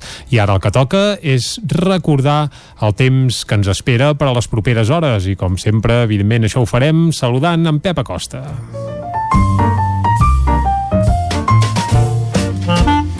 Casa Terradellos us ofereix el temps. En Pep, que ja l'hem escoltat a primera hora del matí, ara el saludarem de nou i avui està bastant eufòric perquè hi ha canvis en el temps, eh? després d'un cap de setmana de Setmana Santa de Pasqua, vaja, avorridot i a més amb, bé, amb algun misto meteorològic, doncs sembla que la cosa s'anima. Molt, molt bon dia, Pep. Hola, què tal? Bé, Aquest matí atent. pot continuar plovent, matí amb fred, Uh, més tapat cap al peritoral, altra vegada, torna a estar bastant tapat, i poden caure quatre gotes, molt poca cosa.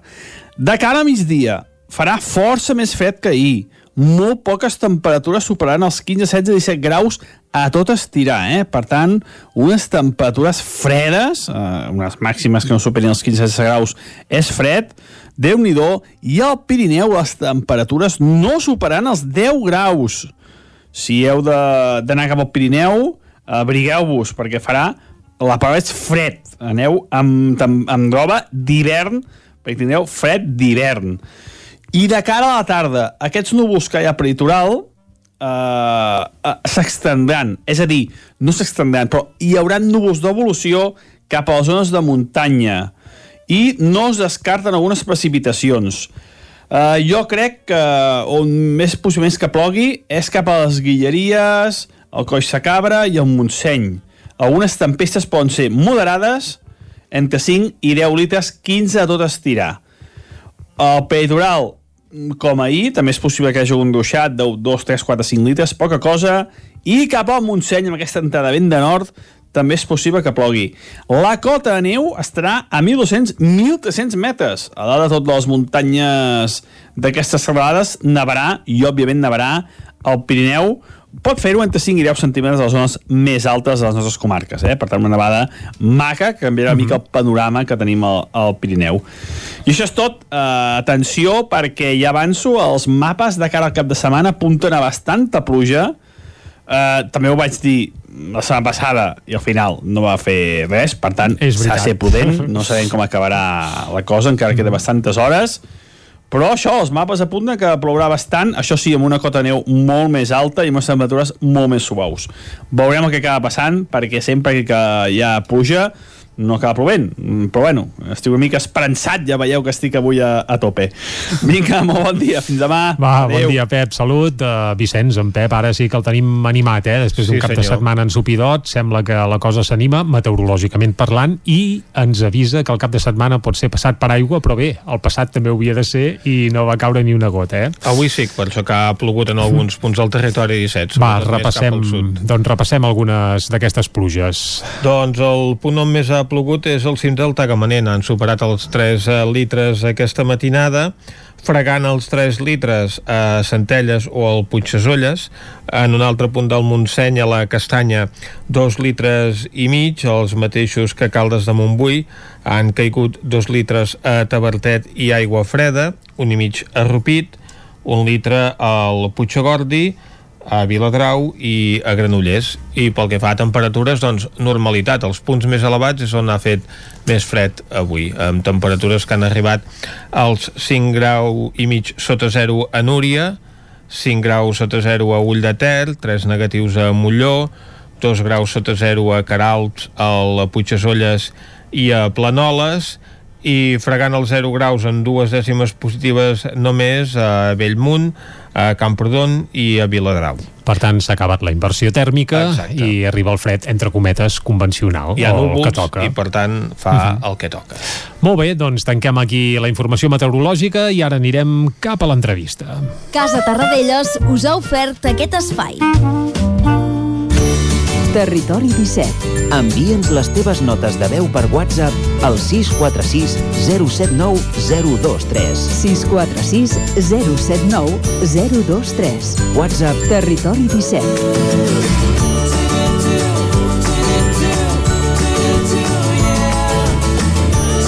Territori 17. Som a Facebook, Twitter i Instagram amb l'usuari Territori 17.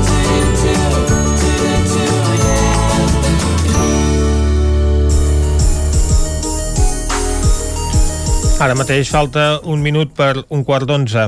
El dia 12 de març, el Sindicat d'Habitatge del Moianès va ocupar tres pisos de Monistrol de Calders, propietat de la Sareb, conegut popularment com el Banc Dolent. Des del sindicat es va facilitar l'accés al bloc de tres famílies necessitades econòmicament i l'objectiu final és aconseguir un lloguer social per elles. Anem cap a una corinenca amb la Caral Campàs. Bon dia, Caral. Bon dia, doncs, doncs sí, per parlar-ne tenim a Andrea Moreno, portaveu del Sindicat d'Habitatge al telèfon. Bon dia, Andrea. Bon dia, Caral. Doncs bé, com comentava en Vicenç, a principis de maig vau ocupar tres pisos a Monistrol de Calders que estaven desocupats i que són propietat de Sareb. Uh, bé, els tres pisos ocupats uh, són en un mateix bloc? Sí, sí, sí, els tres pisos són allà al mateix bloc al, al, a Monistrol de Calders. I els Mossos es van personar en aquell moment, el dia que vau fer l'ocupació, no sé com, com va anar la situació. Bé, bueno, van agafar les dades de les tres persones, bueno, de les tres famílies que hi anaven a viure. Eh, vam estar esperant una bona estona i com amb una certa inquietud per aviam quan tornaven a, vi- a venir per si hi havia algun desallotjament o qualsevol avís que, que poguéssim rebre. Eh, vam anar convocant a totes les persones que poguessin venir perquè de, per demostrar que eren moltes i així doncs, anar molt més tranquil·les i res, al, al final fins a dia d'avui encara no ha passat absolutament res per part de, el vostre- de les forces policials. El vostre objectiu final és, és que les famílies que hi viuen puguin a, accedir al lloguer social.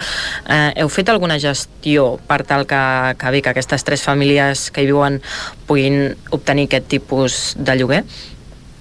Um, sí, bé, aquestes tres famílies van anar cap a l'Ajuntament per empadronar-se. Um, llavors, uh, l'assistència social van a veure com estaven, bueno, com estaven els pisos i nosaltres estem a l'espera de fer una reunió amb serveis socials per presentar-nos i per presentar una carta de demandes, que és el que estem fent amb tots els altres serveis socials de, de tot el territori. Perquè aquests pisos estaven en, en bona situació, la Sareb els ha posat al mercat, té intenció de vendre'ls o en quina situació estaven actualment? Sí, bueno, sí, estaven, estaven, estaven en perfecte estat, vull dir, com tres pisos completament de luxe, eren dúplex fins i tot, uh, bueno, ho tenien gairebé tot, l'únic que faltaven eren els mobles, però, però vaja, res més, tota la resta estava perfecte. I, I teniu contacte amb l'Ajuntament de, de Monistrol? Us han donat algun tipus de resposta o d'acció envers la, la situació?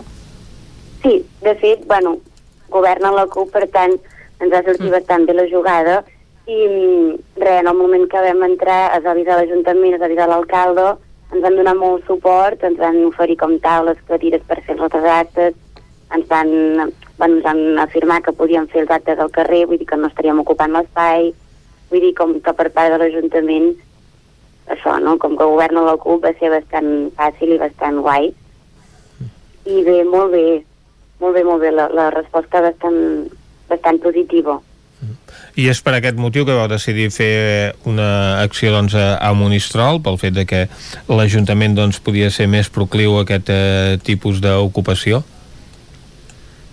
O sigui, com en una part sí, per l'altra no. Per l'altra sabíem que aquell pis era de la, era de la Sarètica, alguna cosa s'havia de fer amb aquell bloc, i, i bueno, vam dir, vale, són tres famílies, uh, no les podem repartir per, pel Moianès perquè tampoc tenim gaires coses, uh -huh. i vam dir, vale, doncs anem cap allà a Monistrol, els hi va semblar perfecte a les famílies, vam parlar amb l'Ajuntament, ens van dir que cap problema, que estaven al corrent, i, bueno, amb l'Ajuntament no, amb, amb la CUP, eh, separar una mica, vam parlar amb la CUP i, i n'estava al corrent i ja està, i va ser per això. perquè van ser les pròpies famílies que es van posar en contacte amb el sindicat d'habitatge dient, no?, exposant la seva necessitat o vau ser vosaltres qui els vau oferir a ells aquesta possibilitat? No, no, no. Vull dir, les famílies ens han trucat, han posat en contacte amb el sindicat, van començar a venir les assemblees i, bueno, i allà a l'assemblea vam decidir com apostar per aquesta aposta i, i això, i que ho vam decidir entre totes i, el, bueno, i, i després de diverses assemblees com plantejant què podíem fer i com, malgastar, o sigui, com gastant tots els recursos que teníem al nostre abast fins que vam veure que era impossible i que no, no es feia res igualment i, i res més. Perquè estem parlant de famílies que eren de Monistrol mateix o són famílies del, del Moianès que han eh, doncs, vingut, com explicaves, a les reunions del vostre col·lectiu per exposar la seva situació? Exacte, sí, som de, de, de tot el Moianès i perquè, bueno, clar, som el sindicat d'habitatge del Moianès i no, no de cap poble en concret uh -huh. i que sí, que van venir, van, van, o per correu o per telèfon, van contactar amb nosaltres i de seguida ja ens han posat contacte vam fer la primera reunió, ens ho van explicar, vam explicar, els vam explicar una mica què era el sindicat i com anava, com, bueno, com ens organitzàvem, i van estar d'acord i de fet encara segueixen formant part del sindicat. Uh -huh.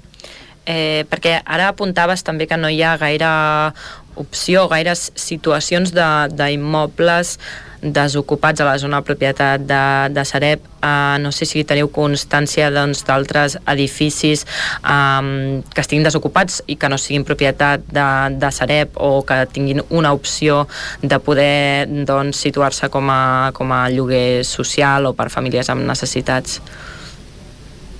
Sí, de pisos buits aquí al Moianès hi ha molts. La cosa és mm. que no se'ns volen, o sigui, com no s'ofereix aquest, aquest lloguer social, encara no existeix a, a tot el Moianès i és el que nosaltres reivindiquem, no? que, doncs, que hi hagi un lloguer social, que tenim constància de que hi ha molts pisos buits, i, o cases, o masies, o... Bueno, hi ha molta, hi ha molta cosa aquí al Moianès i no, no es fa absolutament res encara. Uh -huh. I en casos de desnonaments heu hagut d'intervenir també perquè, malgrat que estem en aquesta situació d'estat d'alarma, doncs els desnonaments de famílies vulnerables que no poden pagar el lloguer o la hipoteca del seu immoble, doncs evidentment no s'han aturat. Sí, no, de, de moment no hem tingut cap desnonament nosaltres aquí uh -huh. i que hem estat a punt de pagar, però sempre s'han aplaçat o o, o això, però, però no, no, de moment no hem tingut cap desallotjament. Ens pensàvem que el primer seria el de Monistrol, però no, de moment molt bé. Eh, ara també apuntaves doncs, aquesta um, manca d'oferta de, de lloguer social i de fet en un comunicat afirmeu això, no?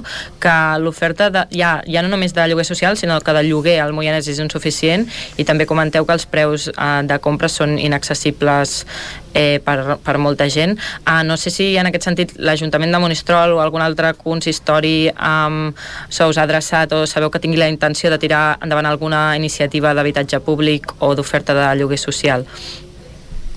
No, no, no. Sí, crec que és més al contrari, com que nosaltres ens, ens estem reunint amb tots els serveis socials, amb el Consell Comarcal i tot per presentar una carta de demandes que vam fer des del sindicat, que en aquesta reunió ens presentem com a, bueno, que és el sindicat, i ens presentem com a tal, i llavors presentem un seguit de demandes on exigim, bueno, com un habitatge públic, que, se, que, que es compleixi la llei del 24-2015, que no hi hagi cap desnonament ni de reallotjament sense una alternativa habitacional digno, um, bueno, això, que, que s'expropiïn tots els habitatges um, de propietats de bancs, de fons voltors i de grans tenidors, bueno, i com un, un, o sigui, com 5 cèntims d'aquesta carta de demandes. I, i això, però, però crec que és més com la nostra intenció d'intentar-ho aconseguir, que hem fet una aposta de màxims que, bueno, sabem que és una mica utòpica, però aviam si exigint-ho podem fer alguna cosa més i, i des de que, que existim, res, no, no hi ha hagut cap intenció com per crear habitatges socials o que els lloguers bueno, fer alguna cosa amb els lloguers, no? amb els habitatges buits que hi ha per aquí, de moment res. Uh -huh. Tot i aquesta dificultat per accedir a un habitatge al Moianès, la veritat és que els preus a aquesta comarca han caigut perquè es van enfilar doncs el seu màxim el 2018 fins als eh, 1.218 euros per metre quadrat, però aquesta quantitat doncs, va caure de forma substancial l'any 2019, és l'últim que hi ha eh, dades, perquè de dades del 2020 doncs, no n'hi ha, i evidentment amb aquesta situació sanitària que hem viscut, doncs els preus en l'habitatge no s'han mogut, o en tot cas han caigut, però el preu de mitjà de l'habitatge al Moianès és de 946 euros al metre quadrat, un habitatge nou, això situa la comarca entre les 15 que estan per sota dels 1.000 euros al metre quadrat. Mm. Sí, sí, però, bueno, tot i això, actualment la gent no pot pagar un, un habitatge de 900 euros, vull dir que els lloguers segueixen, o sigui, com que és, és, o sigui, que sí que ha baixat i que molt bé, però igualment la gent no pot accedir a aquest habitatge i a més no, se- no se'ls facilita entrar-hi. Uh -huh. Llavors, abans que algú, el, que qualsevol persona hi entri, abans els tenen buits. O sigui, que això també és, és, és un tema. Eh, i, I bé, bé per, a, per anar acabant, volíem parlar una mica, conèixer eh, quan va néixer no, el sindicat d'habitatge del Moianès i, i amb quin objectiu. Ah, vale. Um, el sindicat va néixer justament de l'experiència de la xarxa de suport mutu del Moianès, que, que és una, una, una xarxa autogestionada per, per les classes populars per fer front a les necessitats que des de les, des de les institucions no es cobrien i, i, i bueno, um, el, aquesta, xarxa, aquesta xarxa de suport es va crear a l'inici de la pandèmia i amb la declaració de l'estat d'alarma vam veure que hi havia una, una problemàtica uh, real al voltant de l'habitatge aquí al Moianès. Llavors, bueno, ens vam començar a organitzar localment per, en, en el marc de la vaga de lloguers, però afrontant les problemàtiques concretes amb les que ens anàvem trobant aquí i, i bueno, a partir de, de com d'aquest bagatge vam veure que, que s'havia de crear una xarxa d'habitatge perquè no, era, insust era una mica insostenible, no? I, bueno, i llavors vam crear la xarxa d'habitatge, que igualment seguia formant part de la xarxa de suport mutu del Moianès, que, però bueno, l'únic que feia la xarxa d'habitatge era tractar problemes relacionats amb l'habitatge i, i res més. Llavors vam començar a fer assemblees setmanals, vam veure que, que hi havia molt ressò i que hi havia molta urgència i vam veure, o sigui, com ens vam donar compte de que, que realment al Moianès feia falta un sindicat d'habitatge i llavors va ser en aquest moment que, que, que vam decidir que el sindicat fos una organització autònoma que estigués sempre vinculada a la xarxa però, però que estigués més vinculada amb tot el moviment per l'habi- per l'habitatge i també visibilitzar no, que aquí al Moianès que aquí al nostre territori també hi ha mancança de, hi ha, hi ha, hi ha una mancança en l'habitatge i que encara no s'està fent res. Llavors és això que va ser el, en aquell moment quan ens hem donat compte de que que això, que feia falta un sindicat d'habitatge i ho vam acabar fent. I res, el nostre objectiu és doncs que cap persona es quedi sense sostre que, que lluitar no, fins al final per, per fer front a totes les problemàtiques de l'habitatge que aconseguir realment un habitatge, ai, un, un parc d'habitatge públic i, i bueno, intentar que, que els preus de lloguer segueixin reduint fins al punt que, que, que tota persona i fins i tot la classe treballadora ens ho puguem permetre. Andrea Moreno, gràcies per acompanyar-nos avui. A vosaltres, moltes gràcies. El nou FM, la ràdio de casa, al 92.8. Vols gaudir d'un bon arròs a casa sense no haver d'embrutar ni preocupar-te per res? La Fogonera, paelles per emportar. Un seguit de paelles, tapes, platets i postres casolans pensats per a paladars exigents. Ara més fem menús per a petits grups de comensals. La Fogonera, la rosseria de paelles per emportar a GURB i que també et portem a casa. Telèfon 93 851 55 75 i a lafogonera.cat. I quan cau la nit, Pupurri Culinari, solucions per sopar les nits de divendres i dissabte. Entra a pupurriculinari.cat i tria. Do you remember A Aquari Jordi hi trobaràs periquitos, canaris i tot tipus d'ocells, conills, hàmster, ratolins, rates índies, peixos tropicals i molt més. Aquaris, tortugues, joguines i tots els complements i menjars per tot tipus d'animals. Vine a informar-te de totes les nostres ofertes. Aquari Jordi som al carrer 9 número 34 de Vic i també a Instagram. Cocodril Club. Si t'agrada la bona música dels anys 60, 70 i 80, escolta el 9 FM els matins de dissabtes i diumenges d'11 a 1. És el temps del Cocodril Club, tot un clàssic de la ràdio, amb les bases del pop-rock, les llegendes, les cançons que s'han convertit en autèntics himnes. Recorda, dissabtes i diumenges al matí, d'11 a 1, al 9 FM 92.8. Cocodril Club, el programa revival de l'Albert Malla. Hasta luego, cocodrilo. Pintures Xevi Soler. Tot en pintures. Façanes, obra nova, rehabilitacions interiors de vivenda, estucs, microciments, pintura industrial, motllures, terres vinílics... Pintures Xevi Soler. Ens agrada assessorar-vos i fer de casa vostra el millor lloc del món. Ens trobareu a Manlleu, al carrer Sogorb 113, telèfon 616 15 87 33 o 93 851 3504. Vine a Autoscola Montseny i t'informarem de les nostres ofertes. Permís de moto 16 anys amb 4 pràctiques des de 399 euros. Permís de moto 18 anys amb 4 pràctiques des de 425 euros. Permís de cotxe amb 10 pràctiques des de 460 euros. I si vens amb un amic, et regalem una pràctica. Per més informació, Autoscola Montseny, a la Rambla de Vallades 13, primer segona de Vic, al telèfon 93 885 45 88 i també a Facebook i Instagram. Hi ha sensacions que són úniques. Aquell bany relaxant, mirar per la finestra quan plou i com les calderes Bailand, que li ofereixen fins a 15 anys de cobertura total amb el servei tècnic oficial Bailand. Informis a Oficiat Nord trucant al 93 886 0040. Amb el servei tècnic oficial de Bailand, la seva caldera estarà en les millors mans. El 9 FM, el 9 FM, el 9 FM, el 9 FM, el 9 FM.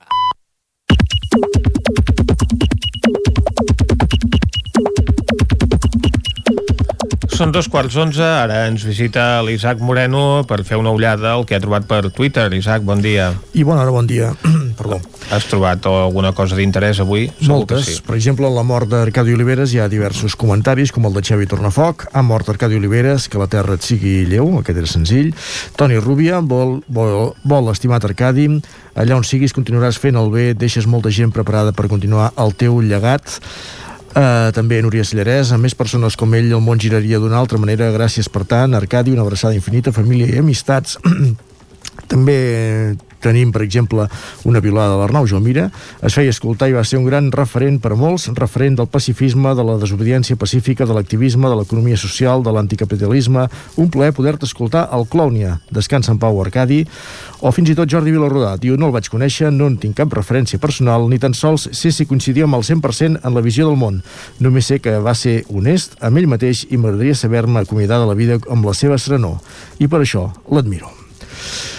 Doncs era una de les notícies d'aquest dimarts, la, la mort d'Arcadi Oliveres als 75 anys. Efectivament un activista en la lluita per la pau i els drets humans al llarg de la seva vida i que avui doncs, li reconeixen tots els mitjans catalans. Més piolades des de Vic. Joel diu, el veganisme està tan lligat al capitalisme com al consum de carn. La qüestió és com es produeix el menjar, no, co no què es menja. A partir d'aquí, que cadascú faci el que cregui amb els seus principis i la seva moral. També una altra de les notícies d'ahir, eh, el revocament del tercer grau per Bassa i Forcadell, Jordi Vilarrodà, els poders de l'Estat, fan la seva feina i mentrestant aquí l'enemic és l'altre INDP, o Xavi Font, i mentre Astèrix i Obèlix discutien sobre druides i pocions màgiques, els romans es van fer seva la Gàlia. Som lamentables.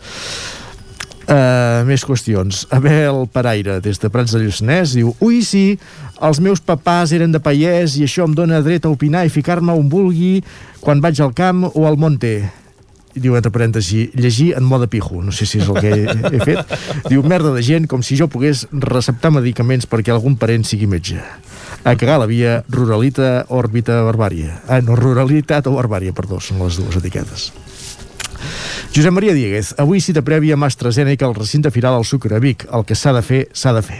Doncs mira, uh, un de Un vacunat afortunat, sí senyor. Uh, en, la, en la sèrie de paraules i expressions catalanes d'en Pep Carol avui ens fixem en la d'ahir, que era esmolet que és aquell senyor que passa per esmolar gatnivets. Sí, senyor. Elisabet Vallbona, confirmem que he fet més feina aquesta tarda durant tota...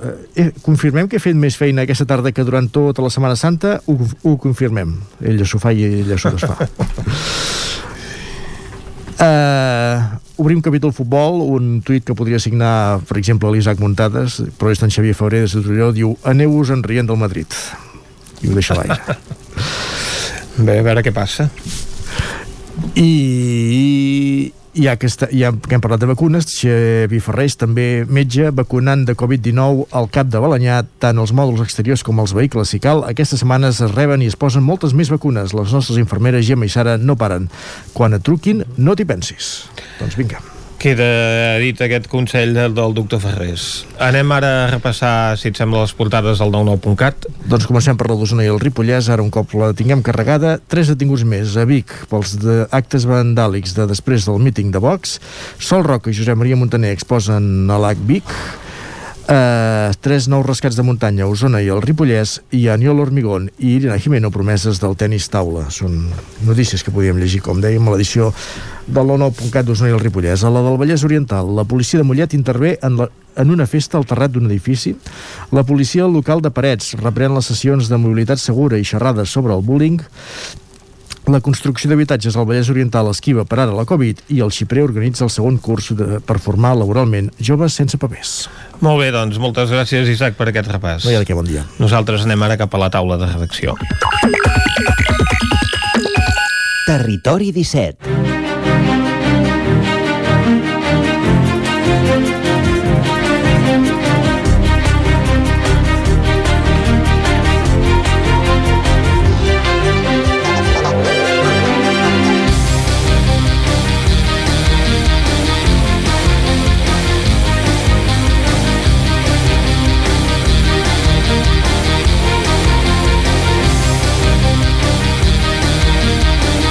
Avui ens acompanyen a la taula de redacció l'Isaac Muntades i en Jordi Vilarrodà.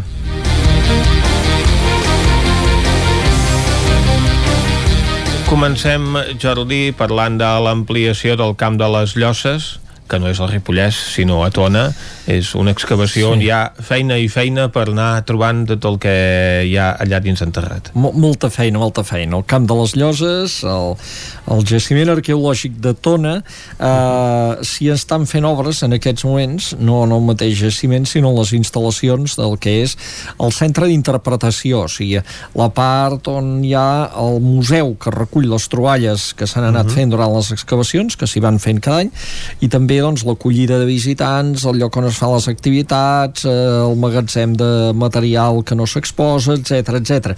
Tot això es va inaugurar l'any 2005 en un edifici que de seguida va quedar petit, de seguida es va veure que quedava petit i feia molts anys que tenia pendent una ampliació. Estem parlant de que l'edifici actual no arriba als 200 metres quadrats per tot això, estava tot molt atapeït en aquest moment i ara, doncs, hi feia temps que hi havia pendent un projecte que s'havia anat ajornant algun cop perquè encara que l'Ajuntament tingués una dotació econòmica que pogués haver vingut, doncs l'1% cultural de qualsevol altra subvenció no li, hi va algun moment que es va deixar perquè l'Ajuntament no tenia la part que li tocava posar a ell, diguem. Uh -huh. I ara doncs gràcies a un ajut dels fons europeus FEDER i també dels, de, del que hi posarà el propi Ajuntament o mirarà d'obtenir d'altres administracions s'està ja treballant o sigui, aquests moments ja hi treballen allà el, el, els eh, doncs el, les màquines i s'està aixecant l'estructura i ahir vam estar-hi doncs veient que eh, l'obra avança amb un pressupost de, que va sortir a licitació per 600.000 euros uh -huh. dels quals aproximadament un 40% són els que cobreix el fons europeu FEDER i després la resta doncs s'ha de portar doncs, a l'Ajuntament i l'IVA que també li posa el propi promotor de l'obra que és l'Ajuntament, etc. doncs eh, Ajuntament i, i Consell Comarcal perquè això va englobar també amb altres projectes que hi ha a Osona. Però ara parlem d'aquest en concret.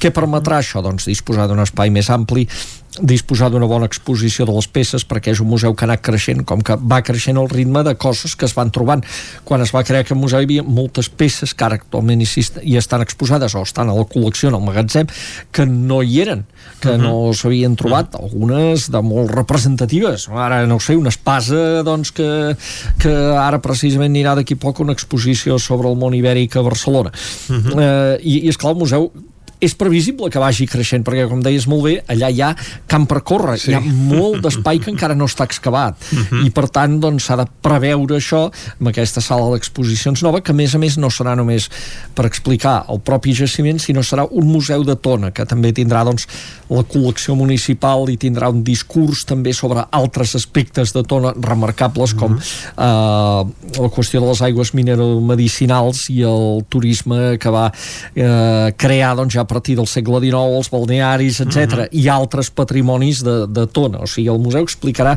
d'alguna manera moltes coses de, de la població.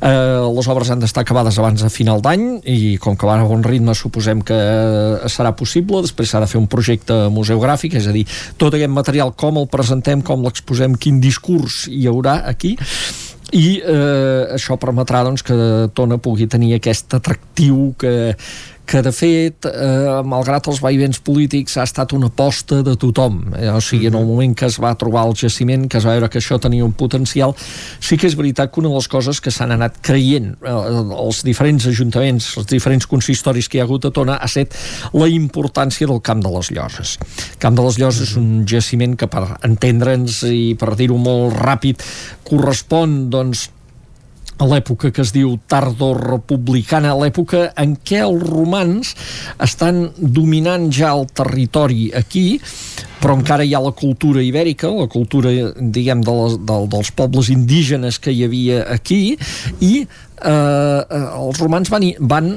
imposant doncs, el seu el seu sistema, el seu control de govern a través de dues coses. Mm -hmm. L'exèrcit, que té presència, o sigui, hi ha, hi ha una presència militar en el camp de les Lloses, i després és un jaciment que va relacionat amb la construcció d'una via romana.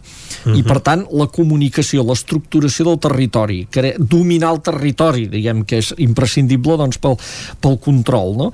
I, I això doncs, correspon a aquest període eh, que, que és un període molt interessant en aquest sentit, perquè conflueixen les dues cultures, la que ja hi havia, o sigui, la cultura que, que era la, la, la cultura indígena pròpia del país, doncs, dels sausetans, i el moment en què arriba tota la, la romanització. Llavors aquest moment de transició té moltes coses interessants i, i per això doncs, aquest museu doncs, eh, explica moltes coses no només de tones sinó d'interès que va més enllà, i ens deia l'alcalde, no? ens deia que, que és un interès que gairebé és, que és nacional, i de fet per això també és bé cultural d'interès nacional aquest mm -hmm. monument, i per això rep aquest ajut del, del FEDER doncs ara per, per, per poder ampliar.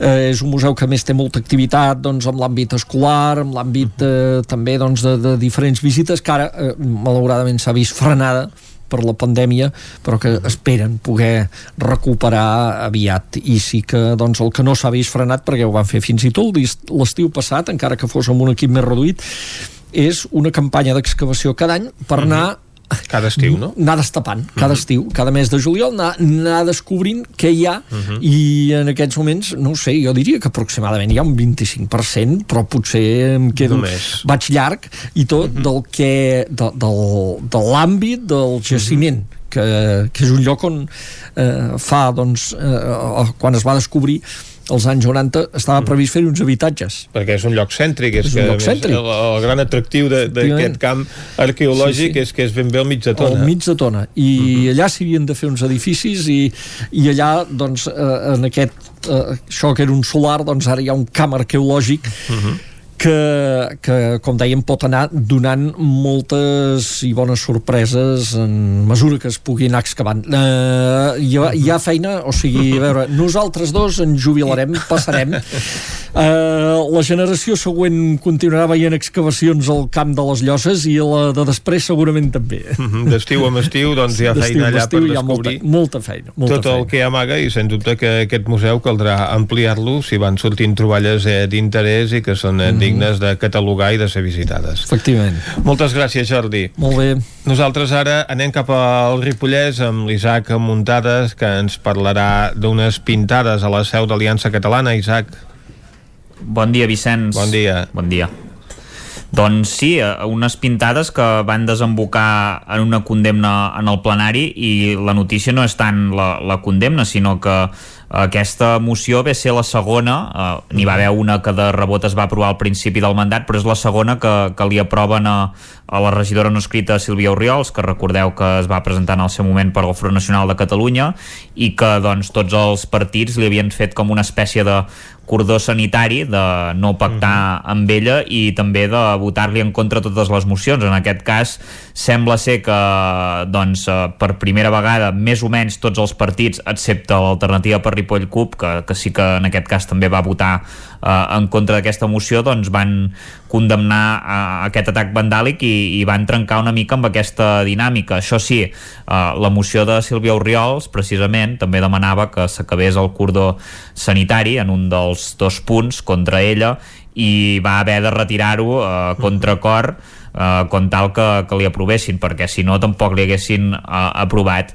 Uh, recordem que aquests atacs d'Aliança Catalana es van produir ja fa unes, unes setmanes a la seu però en aquells, en aquells dies que també hi va haver-hi molt incivisme aquí a Ripoll es van pintar també parets de comerços i, i en el seu cas doncs uh, se li van pintar una sèrie de d'insults, eh, també se li van pintar esbàstiques, alguna creu celta i, i bé, doncs eh, sí que ella eh, en, en aquests dies doncs, ha tingut algun incident també amb alguna persona que, que l'ha insultat eh, pel carrer i, i sobretot en, en el cas de d'aquesta condemna que fins i tot hi va un moment que pen, eh, es pensava que no, es, que no es votaria perquè Sílvia Oriols havia de renunciar doncs, a, a aquest segon punt doncs ella va, de, va denunciar que l'Ajuntament tenia diverses eh, vares de mesurar perquè si us recordeu ara fa uns anys també hi va haver-hi algunes pintades a la seu del PSC i Oriols va recordar que l'alcalde Jordi Monell immediatament eh, no va tardar ni 24 hores a condemnar aquestes pintades i en canvi ella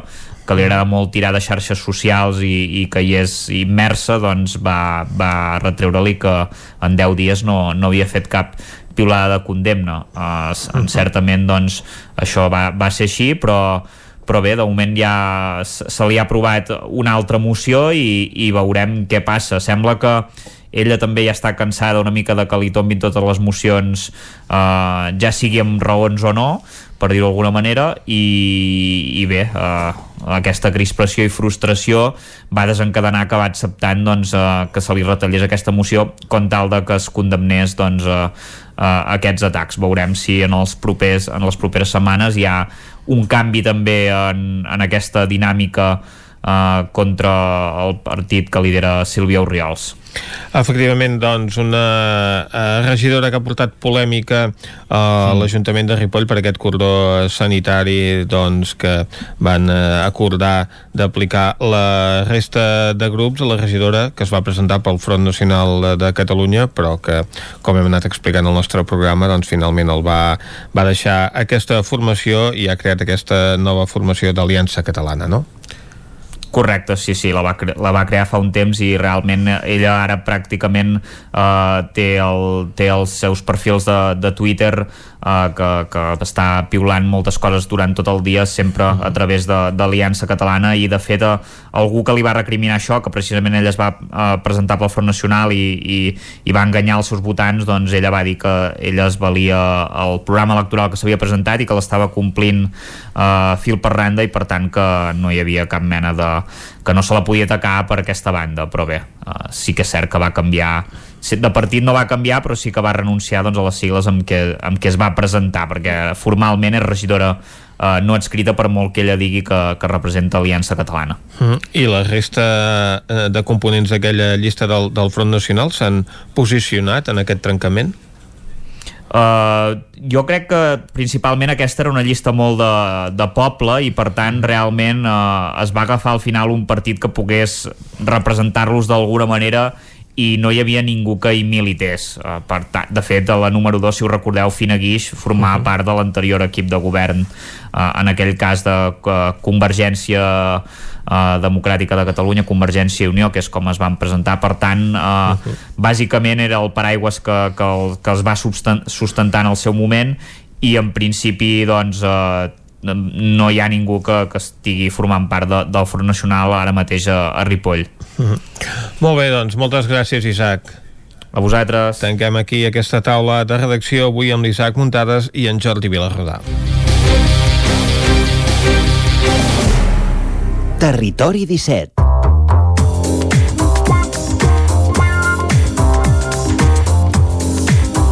Doncs tanquem aquí la taula de redacció i quan passen gairebé 3 minuts de 3 quarts d'11 del matí ens toca obrir el Lletra Ferits, un Lletra Ferits que avui Vicenç se n'anirà cap a una codinenca, oi?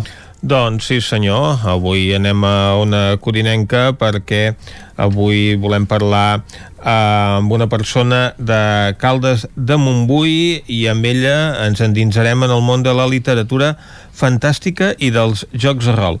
Jordi Morera és filòleg i docent, ha guanyat un premi de narrativa breu Frederic Pujolà Ciutat de Figueres pel conte L'Error. I ara el que fem és anar a Ona Corinenca, com us dèiem, i parlar amb la Caral Campàs. Bon dia de nou, Caral.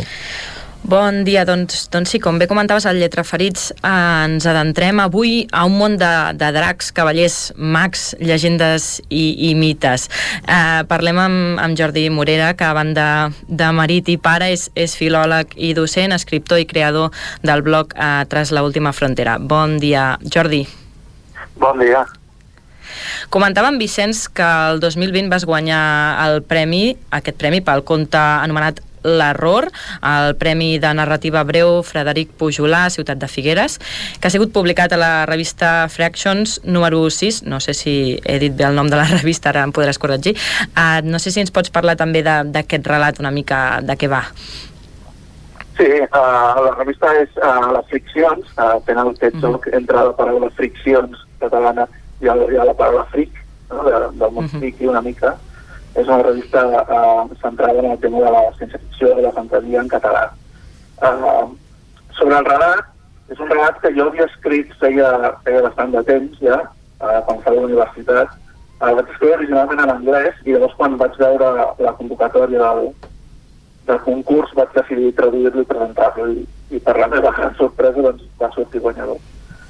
Uh, Bueno, és un relat, no sé si fer, fer massa spoilers sobre la temàtica, és un relat de ciència-ficció. Uh, és un relat que comença a la Segona Guerra Mundial, en, en plena acció, durant una, una batalla aèria uh, entre aviadors uh, uh, de, de, dels dos bandos. Però per ser un relat de ciència-ficció, doncs, uh, us podeu imaginar que alguna cosa més al darrere hi ha, no? Uh, i, i com deien, està hi poder Mm -hmm. I a part de participar doncs, en aquest Premi de Narrativa, no sé si és habitual que tu prenguis part en concursos literaris. Doncs va ser, realment va ser el primer, va ser el primer mhm. -huh. cop que m'hi presentava. Arribar i moldre. Uh, sí, va ser una mica arribar i moldre, va ser el, el primer que, que vaig presentar i, i mira, va tenir la sort que va sortir guanyador. Uh, llavors vaig presentar un altre uh, relat, un concurs, un concurs de, de l'editorial Neopàtria, l'editorial valenciana, i en aquest cas no, no va guanyar però sí que va sortir el relat eh, escollit per formar part de la de l'antologia amb els millors relats publicats així que, que també eh, va, eh, va ser una sorpresa molt grandíssima no? Uh -huh. Uh, bé, el, el teu perfil de Twitter et defineixes com filòleg, escriptor, traductor, profe d'elite, rolero, apassionat de la mitologia, amant del rock, per sobre de tot marit i pare d'un drac blau tot això convergeix en, en el que ets i en el, en el tipus d'escriptura de, que fas, podríem dir? Totalment. Vull dir, uh, uh, tinc, totes aquestes vessants al final conflueixen en, en un mateix lloc, que és la literatura, no? que és a mi el que m'encanta. Uh, vaig entrar en els jocs de, en món dels jocs de rol a través de la literatura, uh, el que he estudiat ha sempre en la literatura, a la filologia, uh, amb l'especialitat de literatura, per tant, sí, tot, tot el que escric eh, està basat eh, en, en aquest món. No? I, I tot està centrat en el món de la... perquè sóc una apassionat de la mitologia, llavors eh, tot el que escric té, té algun component mitològic d'alguna manera, sigui fantasia, sigui ciència-ficció, sempre acaba convertint una mica el tema mític, mitològic. perquè la- l'afició per aquest món fantàstic et ve sobretot del descobriment dels jocs de rol, no? que és una de les teves grans passions. Sí, eh, a més a més de, de llarg. Vull dir, eh, porto ja 30 i pico, 30, i- 30 i pico anys eh, a jugar, vaig començar amb l'Ac 13, eh, i, i sí, els vaig descobrir arrel de, de, de la, primer de la literatura. Va ser arrel de descobrir a, a Tolkien, quan estava fent a, a 8 anys ja bé, que vaig descobrir el Hobbit, uh, em vaig enamorar d'aquest món de, de la fantasia. Ostres, hi ha, hi ha gent que escriu això, hi ha gent que escriu exactament el que a mi m'agrada, no és possible. I, i a partir d'aquí doncs, em vaig uh, aficionar a aquest tipus de lectura i arrel d'aquesta lectura vaig, va ser quan vaig descobrir el, els jocs de rol a través de companys que també jugaven i de més i és una cosa que realment va, va molt de la mà. Jo crec que són, són dos mons que es complementen molt bé, no? Uh -huh. O sigui que els jocs de rol et van portar a la literatura, a acabar-te dedicant a aquest món. Sí, exacte. Ha, ha sigut guardonat també a, a, amb aquest premi que comentàvem, però alhora ets autor del blog Tras la última frontera. Eh, què hi podem trobar en aquest blog i, i amb quina intenció el vas crear? Doncs eh, el vaig crear amb la intenció de, de donar una mica sortida a totes aquestes passions, no? que són els jocs de rol, la literatura fantàstica i, i la mitologia per sobre de tot. Uh, i, I això és el, més o menys el que s'hi pot trobar.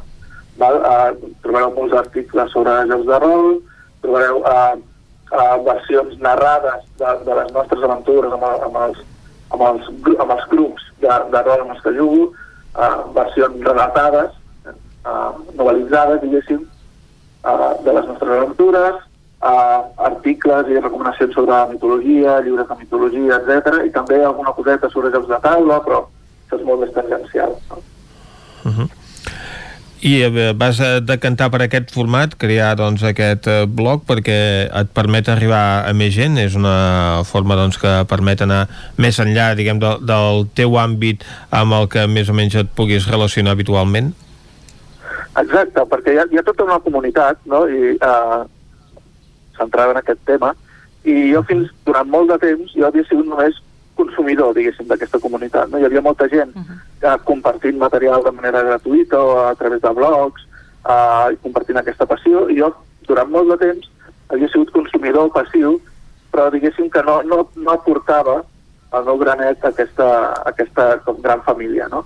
I va arribar un moment que vaig dir, ostres, uh, doncs uh, potser ha arribat el moment també de, de dir la teva, no? I per això vaig obrir el blog i bé, arrel del blog doncs, han sortit uh, pub altres publicacions, no publicacions uh, relacionades amb, el, amb, el, amb els jocs de rol. Ara comentaves eh, el fet que és tota una, una comunitat i el món del rol i la literatura fantàstica el podríem definir com a, com a friki. Eh, volíem preguntar-te també, eh, és més senzill fer-se un lloc en un sector tan concret o pel contrari és més complicat? Uh, uh, és les dues coses a la vegada. O sigui, uh, a, a, veure, a veure si m'explico. Uh, com que és una família, diguéssim, és una família gran, però dintre del món de les, de les aficions és, és molt petita. És a dir, si ho compares amb altres tipus, amb altres, per exemple, amb el futbol, amb qualsevol altre esport, amb, amb, amb qualsevol altra afició, uh, és, és com molt de, de, de especialitzada, no, diguéssim? Llavors, clar, som, som molts per, per la nostra percepció, però si ho mires de manera global són molt poquets. Llavors eh, és molt fàcil que, que sí, acabi se- sent conegut dintre d'aquesta família. Uh, per l'altra banda, uh, uh, clar, uh, això porta també que ara estiguis, has de ser molt conscient que estàs publicant o escrivint per un, per un sector molt, molt reduït, molt limitat. Uh -huh. Llavors, I... No, digues, digues. No, no, és una mica les dues coses alhora. Uh -huh. Uh -huh. Perquè tu que uh, ho vius això també des del món de la docència, no sé si uh, trobes que els alumnes doncs, comparteixen també aquesta passió, com tu quan tenies uh, 13 anys que ens comentaves i vas començar amb aquest món dels jocs de rol i la literatura fantàstica. Uh, jo això ho he descobert, uh, he descobert que quan els alumnes uh, descobreixen aquest món, uh, uh, sí, entra, entra molt fàcilment. Sí, els, els hi crida molt l'atenció i els hi atrau molt. De fet, uh, jo he estat fent durant uh, diversos anys uh, cursos d'estiu per, la, per la UAB, uh, dedicats a, a docents de, de primària, sobretot de secundària, sobre gamificació i ludificació, és a dir, com fer servir jocs i jocs de rol a l'aula com a vehicle d'ensenyament. Uh -huh. I és una cosa que jo mateix he provat i funciona molt bé. Uh -huh. I en l'àmbit de la literatura, que ens comentaves, doncs, efectivament, que és un grup eh, reduït de, de seguidors, de gent que es mogui en aquest món, no sé si també trobeu a faltar, doncs, això, ja que comentàvem abans, doncs, que havies aconseguit un premi literari, doncs, això, la falta potser de, de concursos de premis dedicats a aquesta temàtica i això fa que a vegades doncs, us hagueu de, de participar doncs, a altres concursos de temàtica general on el, el jurat doncs, li pot agradar més o menys una, una obra de literatura fantàstica. Efectivament, això, això és així. Llavors, eh, premis com el Frederic Pujolà, eh, que fan moltíssim per incentivar i promoure uh, la literatura de gènere fantàstic o de ciència-ficció en català, en la nostra llengua, uh, són importantíssims. No? Uh -huh. Doncs Jordi Morera, moltes gràcies per acompanyar-nos avui. A vosaltres. I endavant amb aquesta tasca, esperem que puguis doncs, guanyar més premis a part d'aquest de narrativa breu Frederic Pujolà de la ciutat de Figueres i que continuïs endavant amb aquesta tasca des, a través del teu blog que permet doncs, que gent interessada en el món dels jocs de rol i la literatura fantàstica hi pugui trobar també referències i documentació. Recordem, eh, Tras l'última frontera, wordpress.com és el nom del blog d'en Jordi Morera que ens ha acompanyat avui, aquest filòleg, escriptor, traductor, professor de literatura, rolero, apassionat de la mitologia, amant del rock i per sobre de tot, marit i pare d'un drac blau, que és com es defineix el seu perfil a la xarxa social. Avui ha estat el que ens ha acompanyat al Lletra Ferits aquest dimecres. Correcte, Vicenç, doncs un lletra ferits que avui ha tingut un to així una mica mitològic. Uh, nosaltres ara estem a punt ja d'enforquillar la darrera hora del territori 17 d'avui, una darrera hora on passarem pel territori sostenible per conèixer uns xampús ecològics. Això ens acostarà al Jordi Givert com funciona i on es fabriquen aquests xampús ecològics. És el territori 17, per tant ho tenim a prop de casa.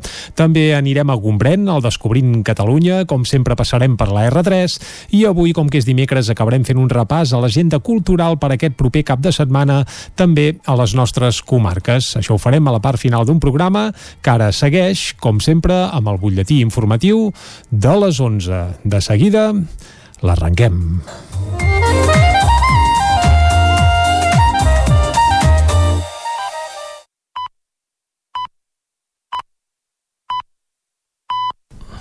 Són les 11. Territori 17 amb Vicenç Vigues i Jordi Sunyer.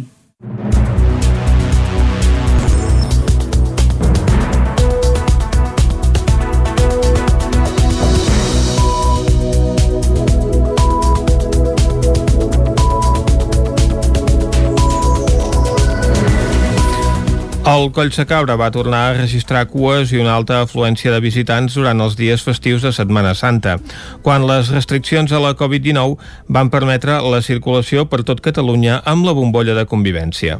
Pit i Tabertet van arribar al límit de la saturació en diversos moments del cap de setmana de Pasqua amb la situació de pandèmia de Covid-19 i per evitar aglomeracions inassumibles, els mateixos ajuntaments van establir punts de control abans d'arribar a l'Esquirol on s'informava als vehicles de quina era la situació als diferents pobles del Coll Sacabra. Rupit i també Tabertet van arribar al límit de la seva capacitat en diversos moments del llarg cap de setmana, ho explica Albert Mercè, alcalde de Rupit i Pruit. Quan a Rupit teníem tancat que no ens hi cabien més cotxes perquè l'aforament era a ple, doncs això s'informava a l'Esquirol, així el visitant en aquelles alçades ja sabia que arribar a Rupit era complicat i que si arribaven a Rupit segurament no podrien aparcar i segurament no podrien venir a dinar. A Rupit, els efectius de protecció civil ajudaven a les persones que hi ha habitualment treballant en el control dels aparcaments. Molts visitants, arribats sobretot de l'àrea metropolitana, havien fet força cues abans d'arribar al poble. Per entrar hem fet bastanta cua, després hem pogut aparcar bé, però sí hem hagut d'esperar una miqueta. Para poder acceder al pueblo, tuvimos que caminar a media hora. Alrededor de la, alrededor de la carretera, lo dejamos más o menos a una media hora, como dice Carolina, caminando, pero en coche son unos 10, 12 minutos. I, bueno, doncs a la Setmana Santa, com no hem pogut sortir ni res, vam dir, pues, bueno, anem a Rupit, aviam què tal, i volíem fer senderisme, teníem ganes d'anar també a lo del salt, i la veritat és que ens ha agradat molt. És el primer cop que visitem Rupit, perquè està una, una mica apartats. No és tan fàcil arribar-hi, però ha valgut la pena, estic flipant, la veritat. Molts turistes, hi ha molta gent, es nota que la gent té ganes de sortir i això, però molt guai. El dispositiu als municipis del Coll Cabra va comptar amb el suport de la Generalitat, de la Diputació de Barcelona i dels Mossos d'Esquadra, però el van impulsar els ajuntaments que van prendre la iniciativa després d'haver-se sentit desatesos en altres ocasions similars. Aquesta gran afluència de gent al medi natural es va traduir en un rècord dels rescats que han hagut de fer els bombers de la Generalitat aquesta Setmana Santa, més de 100 a tot Catalunya. I de les 107 actuacions que s'han fet arreu del país, dues han sigut a Osona. Dilluns, una noia que feia parapent es va accidentar en terme de Sant Pere de Torelló a prop de la Vinyeta. La ferida va ser evacuada en helicòpter pel sistema d'emergències mèdiques. I els bombers també van haver d'intervenir dissabte a Tavernoles quan una persona de 52 anys es va fracturar la cama en caure a la zona de Can Rovira. El ferit va haver de ser immobilitzat amb el sistema de matalàs de buit. I al Ripollès els bombers també han, hagut de, han tingut feina amb quatre rescats durant la Setmana Santa. Isaac Muntades des de la veu de Sant Sant Joan. El bon temps que ha fet aquesta Setmana Santa al Ripollès i l'augment de turistes ha provocat que molta gent hagi decidit fer activitats a l'aire lliure. Els riscos sempre hi són i els bombers de la Generalitat han hagut d'efectuar quatre rescats a la muntanya durant aquests dies festius. El primer es va produir el passat dijous, quan una ciclista de 39 anys va resultar ferida en caure d'un corriol al terme municipal d'Ugassa. Els bombers van rebre l'avís quan faltaven pocs minuts per tres quarts de 12 del migdia i per rescatar la dona van haver d'activar el grup d'actuacions especials del cos, ja que la ciclista s'havia lesionat una cama. Al lloc dels fets, els bombers van immobilitzar-li l'extremitat i la van portar fins a l'ambulància, que va traslladar-la a l'Hospital de Camp de Bànol. El segon rescat també va tenir com a protagonista un ciclista i va passar pocs minuts després de les 11 del matí del diumenge. Un ciclista de 64 anys es va precipitar per un marge de 5 metres d'alçada a la serra del Boix, de Sant Joan de les Abadeses. Fins allà s'hi va activar un helicòpter de rescat amb gra i sanitaris, que no va tardar a trobar l'accidentat. Ells es van encarregar de posar-lo a la llitera i el van transportar fins al parc de bombers d'Olot. Finalment, també diumenge, a un quart de 4 de la tarda, es va produir l'avís d'una muntanyenca que es va precipitar pel gra de Fajol Petit i d'un grup amb problemes que intentava baixar per un camí poc practicable. Per tal de rescatar-lo es va activar l'helicòpter de rescat amb gra i sanitaris, que van trobar a la zona un grup de tres persones, al qual pertanyia la dona precipitada que va resultar il·lesa. A més, hi havia quatre persones més que anaven acompanyades d'un gos i que no comptàvem amb l'equip adient. Aquestes persones van ser evacuades amb helicòpter en bon estat de salut.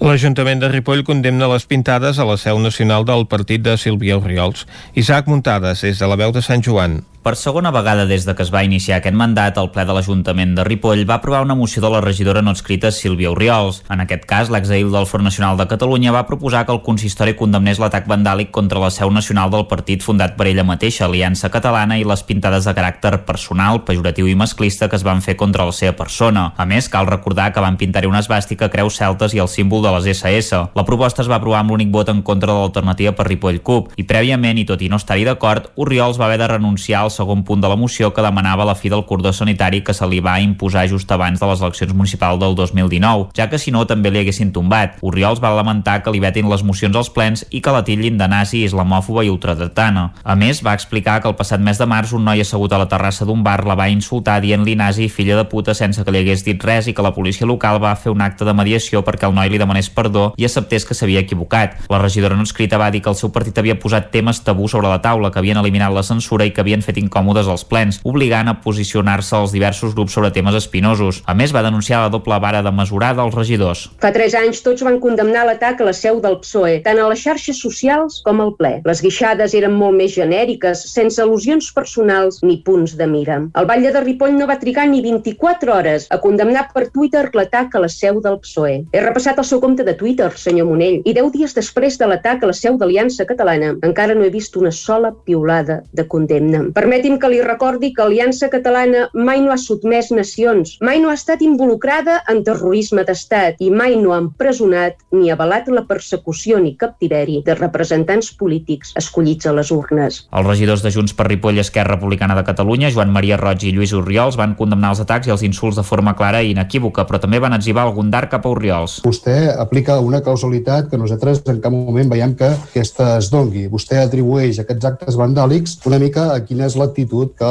els diferents partits polítics tenen respecte a les seves mocions o a les seves idees. Per tant, nosaltres creiem que aquesta causalitat en cap moment es dona. Com tampoc creiem que per part de cap dels regidors que aquí hi ha, nosaltres sistemàticament batem i menys preem a 503 ripollesos. Vostè s'atribueix als 503 votants, no sé si els va acompanyar a tots a les urnes i sap qui són, jo entenc que el vot és secret i per tant sempre parla dels 503 votants, però la seva feina i la de tots és defensar tots els ripollesos. Per tant, quan vostè s'atribueix aquests 503 votants, només recordar que no la van votar vostè, sinó un partit del Front Nacional a la que vostè va renunciar ja fa temps i per tant també el fet de la renúncia a aquest, a aquest partit va fer que, el, que no tingués grup municipal i que estigués fora de les juntes. Oriols va apuntar que utilitzava un llenguatge més crispat perquè el de la resta de grups també ho era i que alguns regidors li havien contestat de mala gana o li havien transmès que hauria d'estar ingressada en un psiquiàtric.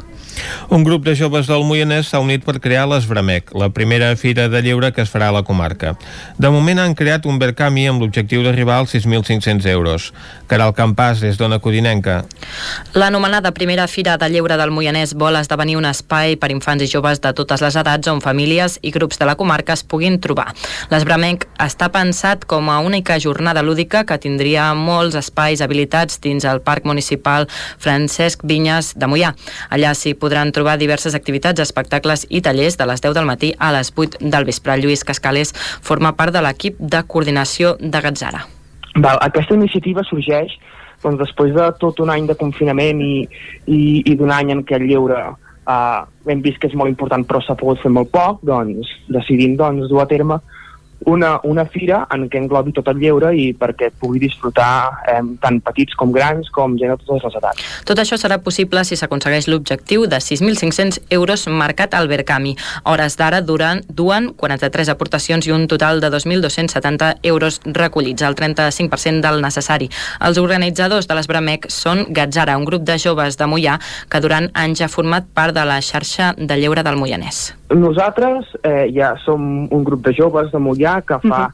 eh, més de 10 anys que estem relacionats amb, amb, amb el lleure de, de la comarca. Hem, hem, participat en, hem participat activament en diferents entitats i diferents, eh, en diferents punts de la comarca amb el lleure, però que ens trobàvem que teníem molta xarxa, bueno, molta xarxa, teníem moltes entitats implicades al lleure a l'estiu i entre setmana, eh, i, i en cap de setmana, però que entre setmana no, no trobàvem res. Llavors uh -huh. decidem crear una nova entitat, que és Gatzara, que la vam crear fa just un any. Amb tot, la data prevista per la primera Fira de Lleure del Moianès és el dissabte 5 de juny de 2021. Tot i això, en cas que no es pogués dur a terme, es passaria a fer el proper 9 d'abril de 2022 per la Setmana Santa de l'any vinent.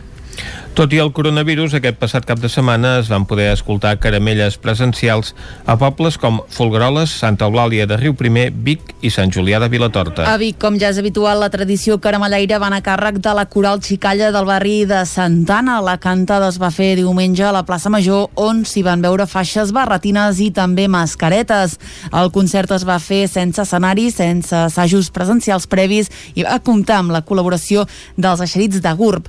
Des de la xicalla ja treballaven en aquest format des de principis d'any, ho explica Roser Pugès, directora de la Coral Xicalla del barri de Santana de Vic. Tot l'equip de Xicalla, eh, pels vols de gener-febrer, vam començar a pensar quines propostes podríem fer, perquè evidentment la cantada tradicional ja no la vam poder fer l'any passat, estàvem confinats, i aquest any preveiem que la tradicional tal com es feia tampoc la podríem fer, i que en el millor dels casos ho poguéssim fer, ja ho sabíem fer d'aquella manera, i que en tot cas havíem d'inventar-nos alguna proposta diferent. Llavors ha set com una evolució que esperem que l'any que ve ja pugui ser una cantada com fèiem habitualment. I a Sant Julià de Vilatorta, el bressol caramellaire de Catalunya també es van escoltar caramelles. Això sí, no van ser en el format habitual amb els caramellaires del Roser voltant pel poble, sinó amb un concert a càrrec de la Cobla Vilatorta, que va debutar especialment per l'ocasió. El seu director és el biguetà Jofre Bardolet. És el segon any consecutiu que els caramellaires no poden, no poden sortir el dia de Pasqua a cantar eh, i no podia ser que un poble com Sant Julià, amb tanta tradició, amb 400 anys d'història de caramelles, eh, es quedés sense caramelles el dia de Pasqua, no? Llavors doncs, va sortir la idea d'aprofitar que moltes de les caramelles que canten els caramellaires són de fet sardanes, són sardanes escrites originalment per Copla al repertori de la Copla s'hi van poder escoltar títols emblemàtics com Rosavera o Dolçament i també s'hi va estrenar la sardana Vila Tortina, escrita pel mateix Bardolet. Pel que fa al públic, tothom hi va acudir amb cita prèvia, ho detallava l'alcalde de Sant Julià, Joan Carles Rodríguez. A través de l'Info Vilatorta app, que és una aplicació eh, per tota la gent que viu a Sant Julià, que es poden descarregar, es podien reservar eh, plaça a través d'aquesta aplicació i a partir d'aquí doncs, eh, eh, per això l'aforament és, és limitat i també hi ha controls d'accés a la plaça. Ho fem com podem i demanem a la gent que prengui paciència perquè si algú ve i resulta que no té lloc doncs eh, l'acte ha tingut bastant ressò, esperem una afluència de gent considerable i preguem doncs paciència a tothom. A part de paciència, tant públic com músics van compartir un mateix desig, que l'any vinent puguin tornar les caramelles de tota la vida. I fins aquí el butlletí informatiu de les 11 del matí que us hem ofert amb les veus de Vicenç Vigues, Clàudia Dinarès, David Auladell, Caral Campàs i Isaac Muntades. Ara de seguida ens n'anem cap al territori sostenible. Territori 17. Envia'ns les teves notes de veu per WhatsApp al 646 079 023. 646 079 023. WhatsApp Territori 17.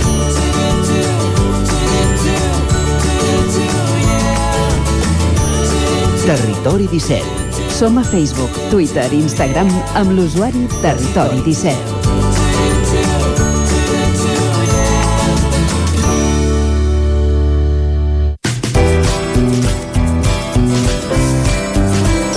Doncs quan falta un minut i mig per un quart de dotze, ens capbussem al territori sostenible amb en Jordi Givert.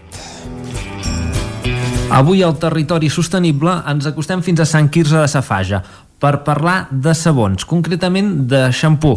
Ho farem amb la Sandra Aguado, que eh, s'ha aficionat a, en, en aquest món i ha decidit eh, emprendre una aventura i dedicar-se a la producció de, de sabó ecològic. Sandra, bon dia. Hola. Hola, bona tarda.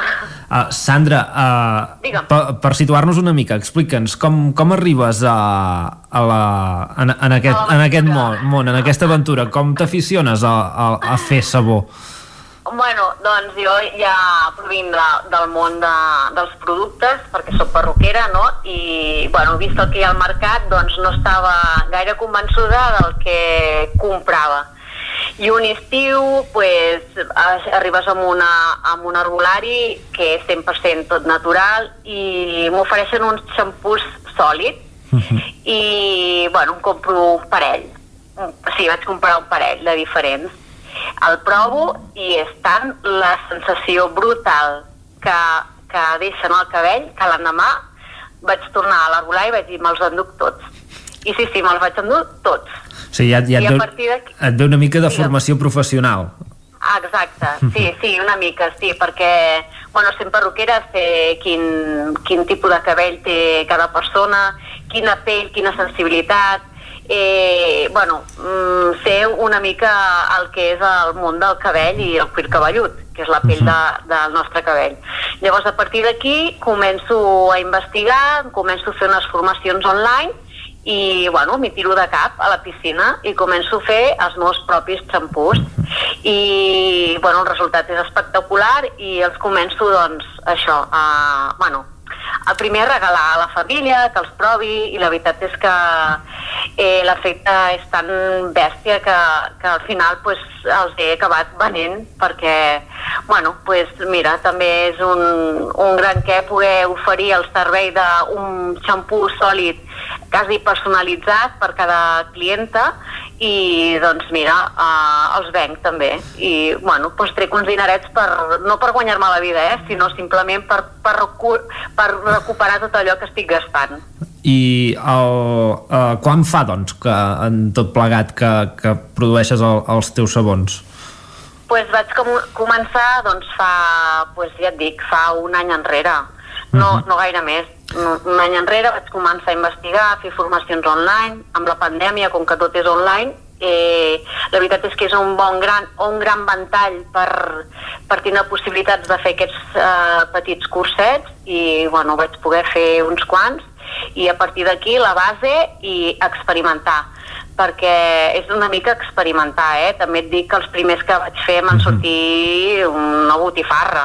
Vull dir, però bueno, vas, vas fent d'alquimista, eh? Una mica aquí, una mica allà, i vas descobrint coses i finalment et surt, pues, el xampú sòlid que, que, que busques. Ara, ara jo m'hi fixo una mica més, en part des de, des de que també faig aquesta secció, però jo era dels cafres que anava a, a la botiga i agafava el, el primer xampú que, que, que agafava i no, no m'he parat mai a pensar a, en com es fa un sabó o, o un xampú. Sí. Podem explicar sí. quin, quin és el procés d'elaboració? Sí, uh, quina és uh, la ah. base, o sigui, el, el, la, la base, base del sabó? Ten... Uh, la base és el tensioactiu. El tensioactiu és un pols Uh -huh. eh, pot ser granulat també, eh, que, ve, que prové del coco. O sigui que ja la base és 100% natural. I a partir d'aquí eh, pues, vas posant pues, els te les teves herbes, per exemple. No? Uh -huh. ja, no, jo estic fent un d'ortiga romaní que té molt èxit, que jo vaig buscar la meva ortiga, la, la seco, la trituro, faig hidrolat, l'hidrolat és com una infusió, uh -huh. infusió o un amaserat d'olis i bueno, vaig fent, ja et dic, faig, faig l'optimista, eh? Sí. Agafo el, el, quan vaig a caminar doncs vaig, agafo el meu romaní, faig l'infusió, faig l'hidrolat i totes les plantes aquestes que sé que són bones pel, pel cabell doncs eh, acabo recollint-les, secant-les eh, infusionant-les uh -huh. una mica tot per, per depèn de, quina, de quin tipus de xampú vull Vale. Normalment els, els, els personalitzo bastant. Sempre tinc tres tipus de xampús neutres, que neutre vol dir que és un pH 5,5, que és la, el pH que tenim al cuir cabellut, vale. i a partir d'aquí doncs si tens la pell greixosa, doncs el pH el vario, o si tens la pell seca, el pH també el vario. Això va uh, uh, segons la, la pell del, del cuir cabellut. Del cuir diguéssim. cabellut, exacte. Val. I llavors hi poso també, uh, si tens unes puntes seques, doncs hi poso inulina, alguna, alguna, alguna, alguna quantitat d'alguna cosa que hidrati el cabell, a part del uh -huh. cuir cabellut. I, i llavors ens, ens pots uh, abans, ara anava a dir posa uns, uns exemples però ens has explicat que tots uh, aquests xampús uh, són sòlids Uh, Són com, sòlids, com, sí. Què diferencia un xampú sòlid, de, a part de, de que és dur, uh, del, sí. dels uh, que són líquids? Hi ha un, uh, sí. uh, per ser ecològics han de ser sòlids o poden ser líquids també? No, el, poden ser líquids. Uh mhm. -huh. L'únic que, per exemple, el sòlid t'ocupa molt poc espai amb una maleta, per sí. exemple, te'n vas de viatge i un, i un, un únic xampú pot rentar el cabell de tota la família, uh -huh. si és un pH neutre. Llavors, no porta cap envàs de plàstic. Bueno, en el meu no porta cap envàs de cap, de res. Val. O sigui, ni plàstic, ni paper, ni res. Jo, quan, quan dono el meu xampú, el dono dintre d'un sobre de paper, simplement. Uh mhm. -huh. Vull dir, cadascú es porta el xampú com, com vol.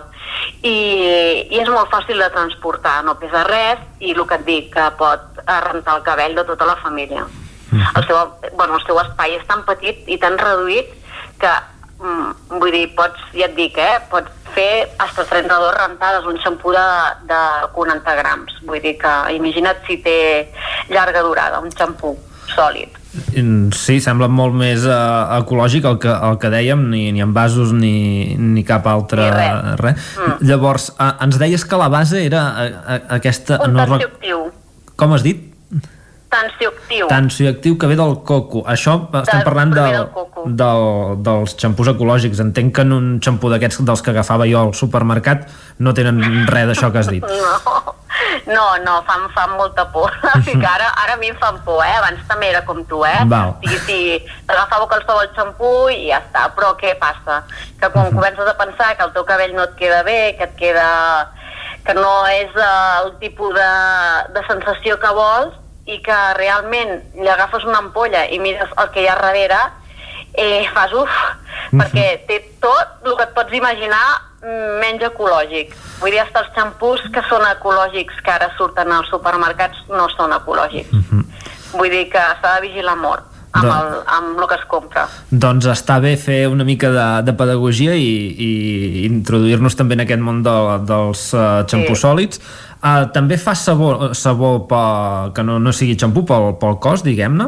Pel cos, sí, ara començaré a fer sabons, perquè el problema bueno, és quan comences a fer d'alquimista amb els xampús, dius, bueno, em poso, molt, em poso un xampú al cabell, un, un- una crema suavitzant, que també faig, eh, sòlida, però i el cos?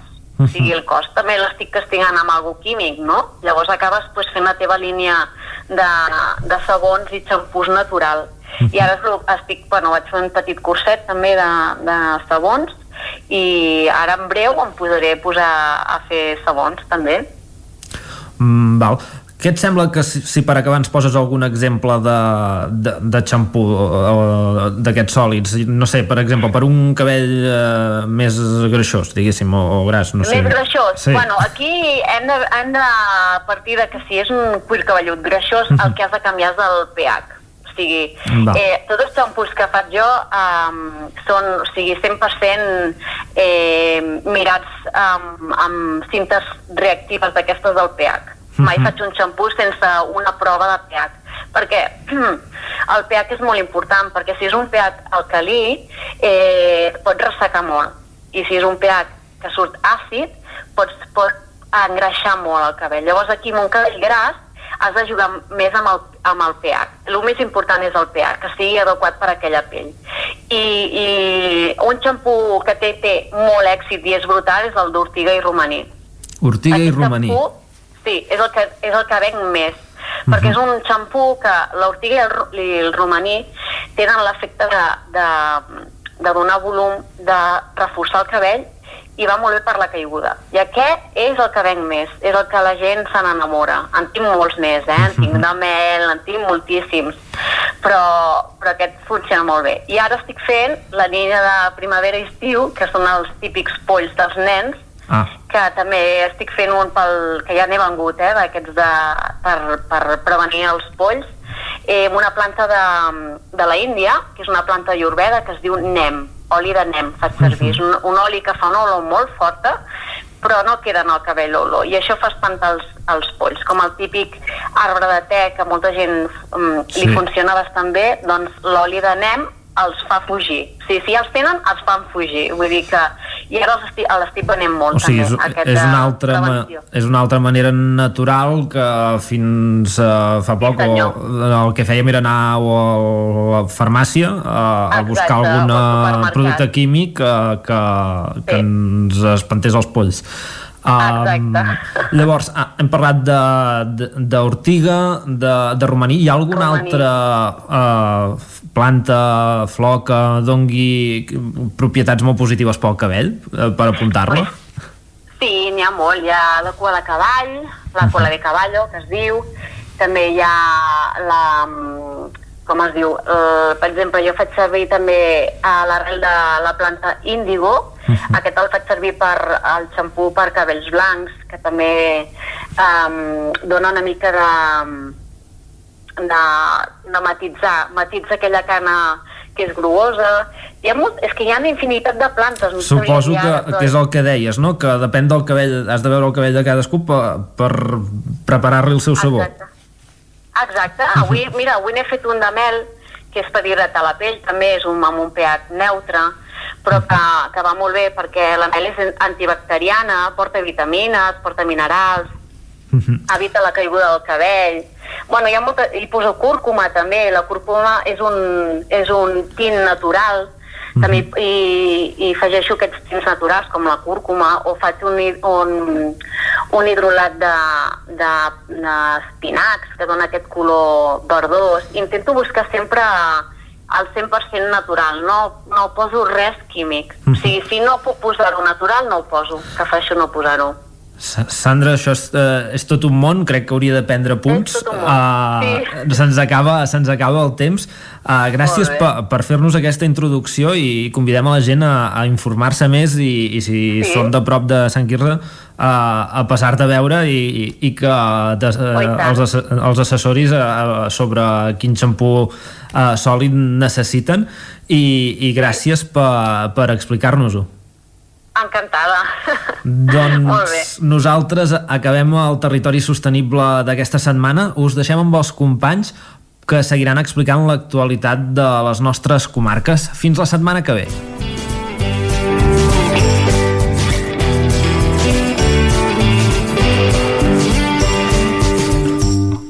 Territori 17. Doncs, Vicenç, quin xampú fa servir tu? La veritat és que no el vaig a comprar a Sant Quirze Safaja, però tampoc Mm. el vaig a comprar al supermercat, ja t'ho dic ara. Val, ben fet, ben fet. doncs, doncs res, ja sabem que hi ha xampús ecològics i, a més a més, de proximitat. I ja que som a la proximitat, de seguida anirem cap a Gombrèn, eh? Ara, Ah, per això, ens toca fer una pausa. Sí? Endavant. Doncs vinga, una pausa i d'excursió cap a Gombrèn. Cocodril Club. Si t'agrada la bona música dels anys 60, 70 i 80, escolta el 9 FM als matins de dissabtes i diumenges d'11 a 1. És el temps del Cocodril Club, tot un clàssic de la ràdio, amb les bases del pop-rock, les llegendes, les cançons que s'han convertit en autèntics himnes. Recorda, dissabtes i diumenges al matí, d'11 a 1, al 9 FM 92.8. Cocodril Club, el programa revival de l'Albert Malla. Hasta luego, cocodrilo. Pintures Xevi Soler. Tot en pintures. Façanes, obra nova, rehabilitacions interiors de vivenda, estucs, microciments, pintura industrial, motllures, terres vinílics... Pintures Xevi Soler. Ens agrada assessorar-vos i fer de casa vostra el millor lloc del món. Ens trobareu a Manlleu, al carrer Sogorb 113, telèfon 616 15 87 33 o 93 851 3504. Vine a Autoscola Montseny i t'informarem de les nostres ofertes. Permís de moto 16 anys amb 4 pràctiques des de 399 euros. Permís de moto 18 anys amb 4 pràctiques des de 425 euros. Permís de cotxe amb 10 pràctiques des de 460 euros. I si vens amb un amic, et regalem una pràctica. Per més informació, Autoscola Montseny, a la Rambla de Vallades 13, primer segona de Vic, al telèfon 93 885 45 88 i també a Facebook i Instagram. Cobertes serveis funeraris. Els nostres tanatoris estan ubicats en els nuclis urbans més poblats de la comarca d'Osona per oferir un millor servei. Tanatori de Vic, Tanatori de Manlleu, Tanatori de Centelles i Tanatori de Roda de Ter. Sabem que són moments difícils i per això el nostre compromís és atendre-us en tot moment amb un tracte humà, sensible i respectuós. Cobertes serveis funeraris. Telèfon 24 hores 93 883 23 46. Anuncia't al 9FM. La màquina de casa. 9 3 8 8 9 4 9 4 9. Publicitat arroba al 9FM.cat. Anuncia't al 9FM. La publicitat més eficaç. Hi ha sensacions que són úniques. Aquell bany relaxant, mirar per la finestra quan plou i com les calderes Bailand, que li ofereixen fins a 15 anys de cobertura total amb el servei tècnic oficial Bailand. Informis a Oficiat Nord trucant al 93 886 0040. Amb el servei tècnic oficial de Bailan, la seva caldera estarà en les millors mans. Passema, comercial de maquinària i utillatges amb més de 50 anys al vostre servei. Visiteu la nostra botiga i trobareu productes de gran qualitat. Passema, som al polígon Sot dels Pradals, al carrer Cervera 10 de Vic. Telèfon 93 885 32 51. El 9 FM, el 9 FM, el 9 FM, el 9 FM, el 9 FM.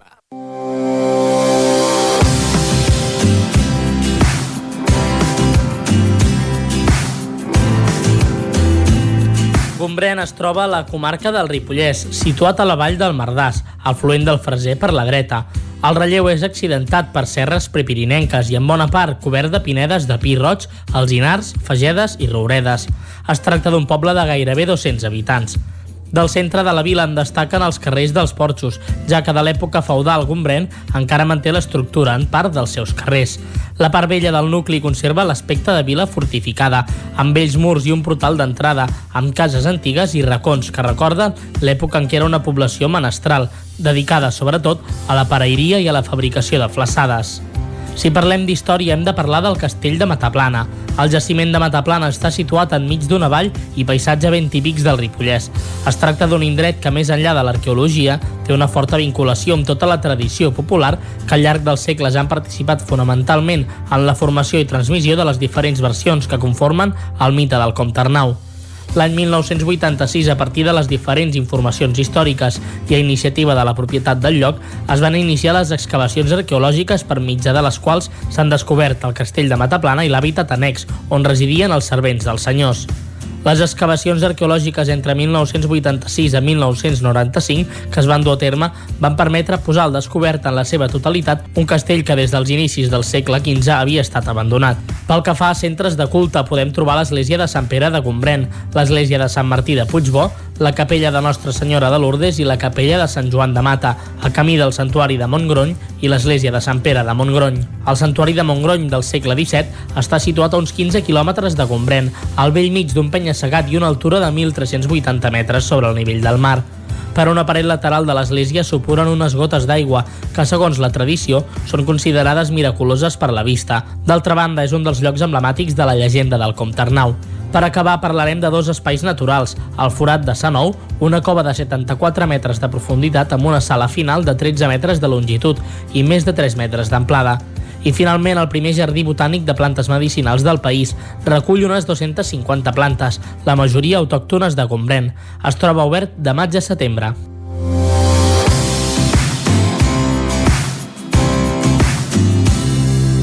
Territori 17 doncs serà qüestió de fer cap a Gombrèn. I tant. Uh, a més, aquest cap de setmana encara s'hi val, confi continuem amb confinament perimetral i sembla que és possible que de cara a dijous avanci que a partir de la setmana que ve podem tornar al confinament comarcal. Per tant, bé, Anem a l'idea, si voleu uh, anem a l'idea. visitar Montgrony, no? A no sé que, que, que siguem del Ripollès, de Gombreny. clar, per exemple. Mm -hmm. Però bé, ja es veurà això, evidentment ho seguirem aquí a Territori 17, però sembla que les dades no conviden a l'optimisme en aquest sentit. Uh, fet aquest apunt geogràfic i de Gombrèn, ara ens toca anar cap a la R3, sí? I tant. Doncs a Trenc d'Alba, anem-hi. A Trenc d'Alba, edició pandèmia Ara sense els usuaris que ens explicaven les seves desgràcies a la R3, però amb els mateixos retards i problemes de sempre.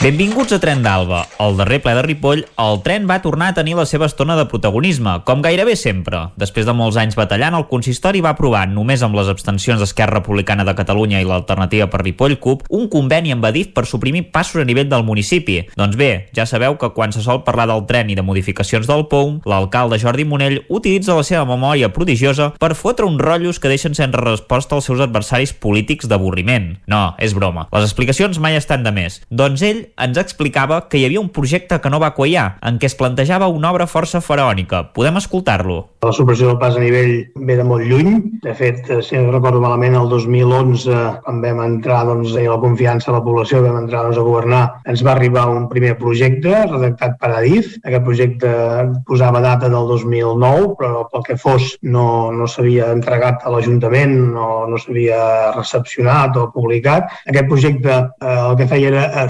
suprimir el pas a nivell de passeig Regull del tot, eh, per, per, per, per a vehicles, amb allargant el túnel, eh, allargant l'estructura del túnel cap en fora, fins a arribar al pont sobre el riu i, per tant, quedava eliminat la, eliminada la circulació de vehicles en el tram doncs, del pont de l'Arquet i del passeig Regull. Eh? Per tant, només es permetria passar doncs, de forma peatonal amb les escales que hi ha actualment i a partir d'aquí es plantejava una, una possible solució amb ziga-zaga, que feia doncs, quatre ziga-zagues per mantenir les pendents del 8%. Eh, evidentment, doncs, aquest tema doncs, el vàrem considerar que no era vàlid, no? de suprimir 100% la circulació de cotxes era, era molt complicat, de fet ens dividiria la població, per tant eh, això no era viable. Eh? A partir d'aquí vam haver de lamentar el 2014, si tots recordaran, doncs, un accident mortal eh, d'un jove de Ripoll i a partir d'aquells moments vam tornar a plantejar una possible solució diferent. No? En aquest sentit, els serveis tècnics municipals, els propis serveis tècnics municipals van elaborar doncs, aquest avantprojecte. Aquest avantprojecte el vàrem ensenyar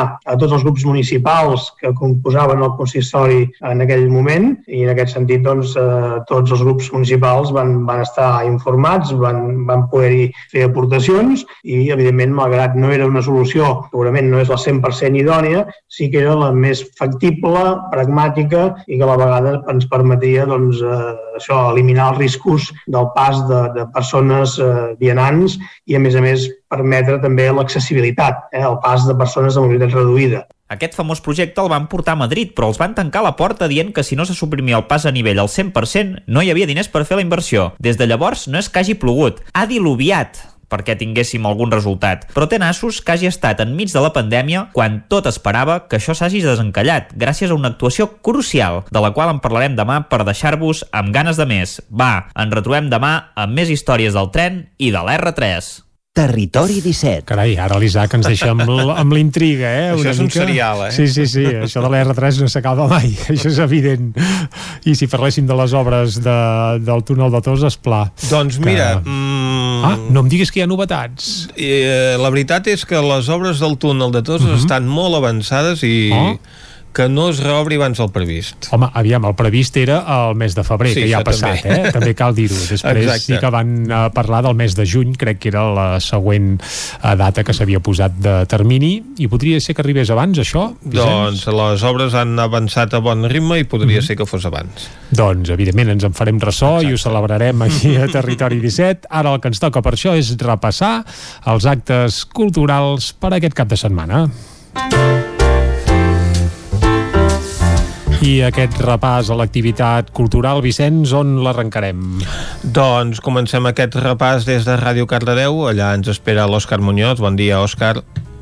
Bon dia. Quines activitats culturals tenim per aquests propers dies? Doncs sí, després d'aquesta Setmana Santa tornen les activitats als auditoris de la zona Mhm. i comencem aquí a Cardedeu divendres eh, a dos quarts de cinc ens han fet com una petita biblioteca a l'aire lliure situada al pati de l'Escola de les Aigües i res, serà eh, això, després de sortir de l'escola hi haurà al pati una selecció de llibres de les diferents biblioteques de Cardedeu i també serà com un punt d'intercanvi de llibres.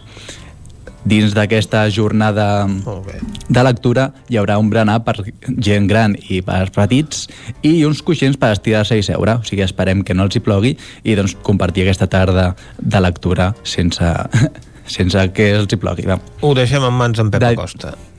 Ah, exacte.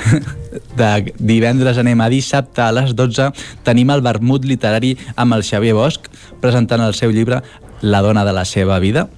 Uh -huh. Com hem dit, serà dissabte a l'Espai Gastronòmic del Tarambana, presentat per la Clara M. Clavell, i doncs dir que tots els vermuts literaris es poden seguir també des de la Ràdio Televisió de Cardedeu.cat.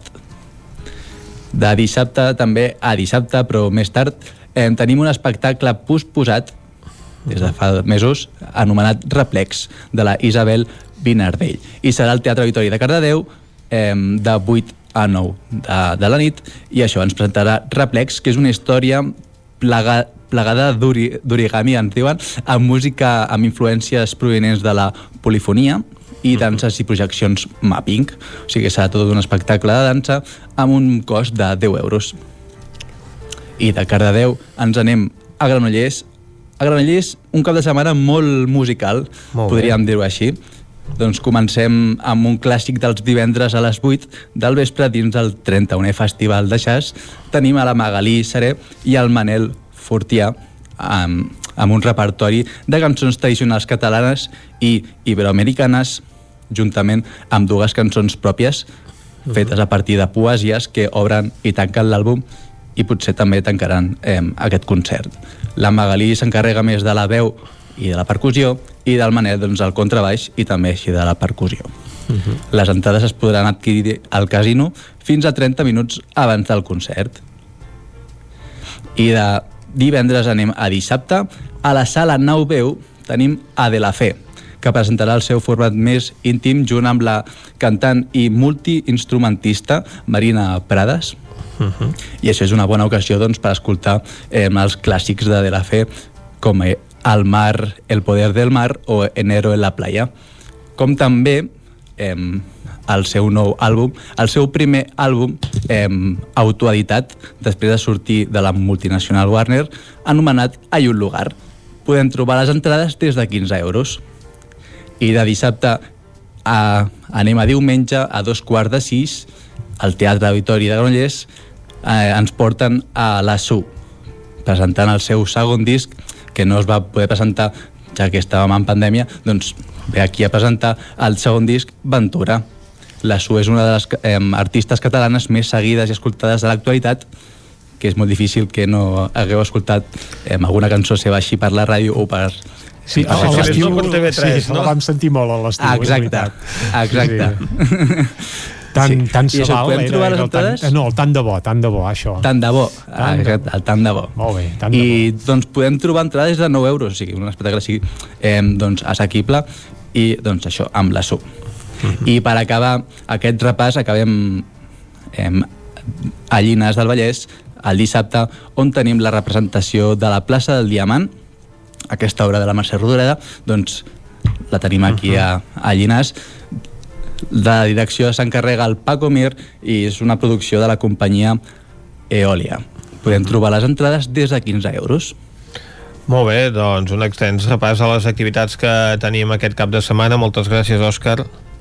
A vosaltres. Anem ara nosaltres cap a una codinenca amb la Caral Campàs. Bon dia, Caral. Hola, bon dia. Tenim moltes doncs, activitats. Mireu, Sí. Hmm, alguna cosa, música i sobretot activitats literàries. Molt bé. I començo per, per la música. A l'Auditori Sant Josep de Mollà acull un recital de cello i, i piano. Uh, tocaran en David Martín al violoncel i en David Johnson al, al piano i faran doncs això, una, tot un recull de, de clàssics de Schumann, Beethoven i, Beethoven perdó, i Britten. Uh, això serà el dissabte 10 d'abril a les 6 de la tarda a l'Auditori de Sant Josep de Mollà i és una activitat uh, gratuïta.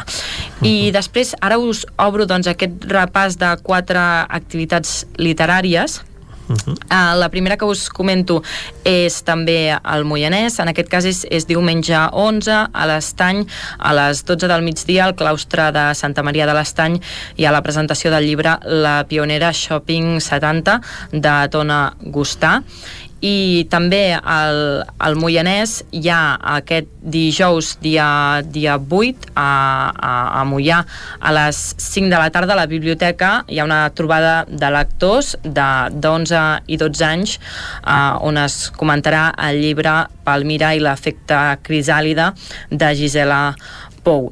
I me'n vaig cap a Vigues i Riells per seguir comentant uh -huh. aquestes activitats literàries i és que la biblioteca eh, organitza doncs, la creació del quart petit llibre gegant eh, i consisteix en que fins al dia 12 d'abril tothom pot presentar eh, un text i participar doncs, en la creació d'aquesta edició d'un llibre doncs, col·laboratiu. La temàtica dels textos és, és lliure, eh, l'escrit ha d'ocupar com a màxim una pàgina i, i no hi ha limitació d'edat per participar-hi. Llavors hi haurà uns il·lustradors que eh, aquests textos els interpretaran i faran doncs, il·lustracions que, que els acompanyaran i tots, tots de manera conjunta doncs, crearan aquest eh, quart petit llibre gegant i l'exposaran juntament amb anteriors petits llibres gegants a la biblioteca el dia 23 d'abril i, i bé, tothom qui vulgui participar pot enviar el seu text a biblioteca arroba bigasirrils.cat com deia fins al 12 d'abril i acabo aquest recull doncs, de propostes literàries amb, amb també uh, una proposta que en aquest cas és a Sant Feliu de Codines uh -huh. uh, i es comentarà al Club de Lectura un llibre d'una autora vostra, una autora usonenca, um, Irene Solà, el uh -huh. llibre Canto jo i la muntanya balla, uh, un llibre extensament premiat. Sí, senyor. Uh, doncs, doncs bé, aquest divendres, uh, 9 d'abril, a partir de les 7 de la tarda doncs, es comentarà aquest llibre Canto jo i la muntanya balla d'Irene Solà i conduirà la tertúlia a Mercè Carné. És una activitat que, com deia, organitza la Biblioteca Joan Petit i Aguilar i, i qui vulgui participar doncs, es pot inscriure enviant un correu electrònic a la biblioteca perquè també s'oferirà doncs, connexió telemàtica per participar en aquesta tertúlia. Mm. Molt bé, doncs eh, moltes gràcies, Caralt. A vosaltres. Nosaltres anem ara a la veu de Sant Joan on ens espera l'Isaac Muntades. Bon dia, Isaac. Bon dia, Vicenç. Com es prepara el cap de setmana al Ripollès? Tenim activitat aquest cap de setmana cultural i Molt si us bé. sembla bé eh, comencem per aquest eh, divendres, eh, anem a Ripoll Mhm. perquè el Teatre Comtal a dos quarts de nou del vespre eh, acull un nou espectacle d'íntims, que és aquest cicle de teatre de prop en aquest cas eh, ho porta la companyia Mi Perla Negra amb l'actriu Sílvia Albert i la direcció de Carolina Torres Mhm. que interpretaran No és país per a negres que és una comèdia dramàtica d'aquesta companyia que parla dels micromasclismes a través del periple vital doncs, d'una no, d'una dona negra aquí a Espanya i és una obra autorreferencial en primera persona de Sílvia Albert, que és la intèrpret, com hem dit, de, del monòleg. Uh, i bé, uh, conjuntament doncs, amb ella recorrerem 40 anys de vida i reviurem les cançons populars i anuncis televisius que van marcar uh, l'imaginari d'una generació. I bàsicament aquesta actuació vol ser un despertar de l'adolescència amb tots els interrogants que comporta i fer-nos testimonis de la formació de la seva identitat. Evidentment també viatjarem a l'Àfrica on descobrirà que la seva terra d'origen doncs tampoc eh, li acaba de pertànyer al tot. En aquest cas eh, l'entrada costa 7 euros i per tant doncs, eh, és una activitat teatral interessant, eh, una activitat cultural que sobretot aquest cap de setmana es concentra bastant a Ripoll perquè una estona abans, a les 7 de la tarda, hi haurà la presentació del llibre de Manuel Muñoz, Éxodo a l'Esperanza, càrrec de Joan Murillo, que és el director del grup de teatre Sol Solet, i això serà a la Biblioteca Lambert Mata eh, de Ripoll. Cal inscripció prèvia trucant al, al mateix Ajuntament o, o també al correu electrònic i seguim sense moure'ns de, de la capital del Ripollès perquè aquest cap de setmana continua el mercat de les 40 hores de Ripoll i en destacarem l'activitat cultural no pròpiament el que serien les, uh, la fira perquè de fet dissabte a dos quarts de cinc de la tarda a la plaça de Santa Eudal hi haurà l'espectacle del Mag Fèlix. Uh, hi ha màgia de prop, màgia còmica per adults farà màgia infantil, mentalisme escapisme i també il·lusions. I bé, és un mag que també té una manera molt dinàmica uh, i, de, i que introdueix molt l'humor i per tant doncs, molt, la gent gaudeix molt dels seus espectacles. Uh, dues hores després al mateix lloc també a la plaça de Santa Eudal hi haurà el concert amb Mount Sound versions en acústic mentre que diumenge uh, de dos quarts de 12 a dos quarts de dues hi haurà Successions amb Pep Poblet que no crec que calgui massa presentacions per al músic eh, biguetà perquè ja sabeu que ha format part de grups i d'orquestres molt importants i ha participat en... Bigatà, bigatà, Bigatà, bigatà, no pobre. gaire. sí, sí. Aquí uh, hi hauria un, una mica de conflicte, eh? Sí. O li podem dir de Manlleu, viu a Roda, però eh, això de Bigatà ell no ho fitxaria pas, eh? però bé, ja, ja, que vagi cap a Ripoll. Això Sí, seria. senyor. Fet, fet, fet aquesta esmena, sí, perdoneu, eh, que No, no. també... Eh, però bé, en tot cas doncs, eh, el tindrem aquí a, a Ripoll per tant doncs, és una, un- una bona notícia també. I, i encara queden uns dies però com que ho han anunciat precisament aquesta setmana no està de més dir-ho perquè Sant Joan de les Abadeses que ja sabeu que eh, és un poble que aposta molt per noms de, de la cultura al primer nivell amb el cicle hivern-primavera del Set Teatre Centre doncs, ha sumat un nou concert que en principi no, no havien previst encara, que és de la cantant Judit Nederman pel pròxim 15 de maig que presentarà el seu nou disc Aire.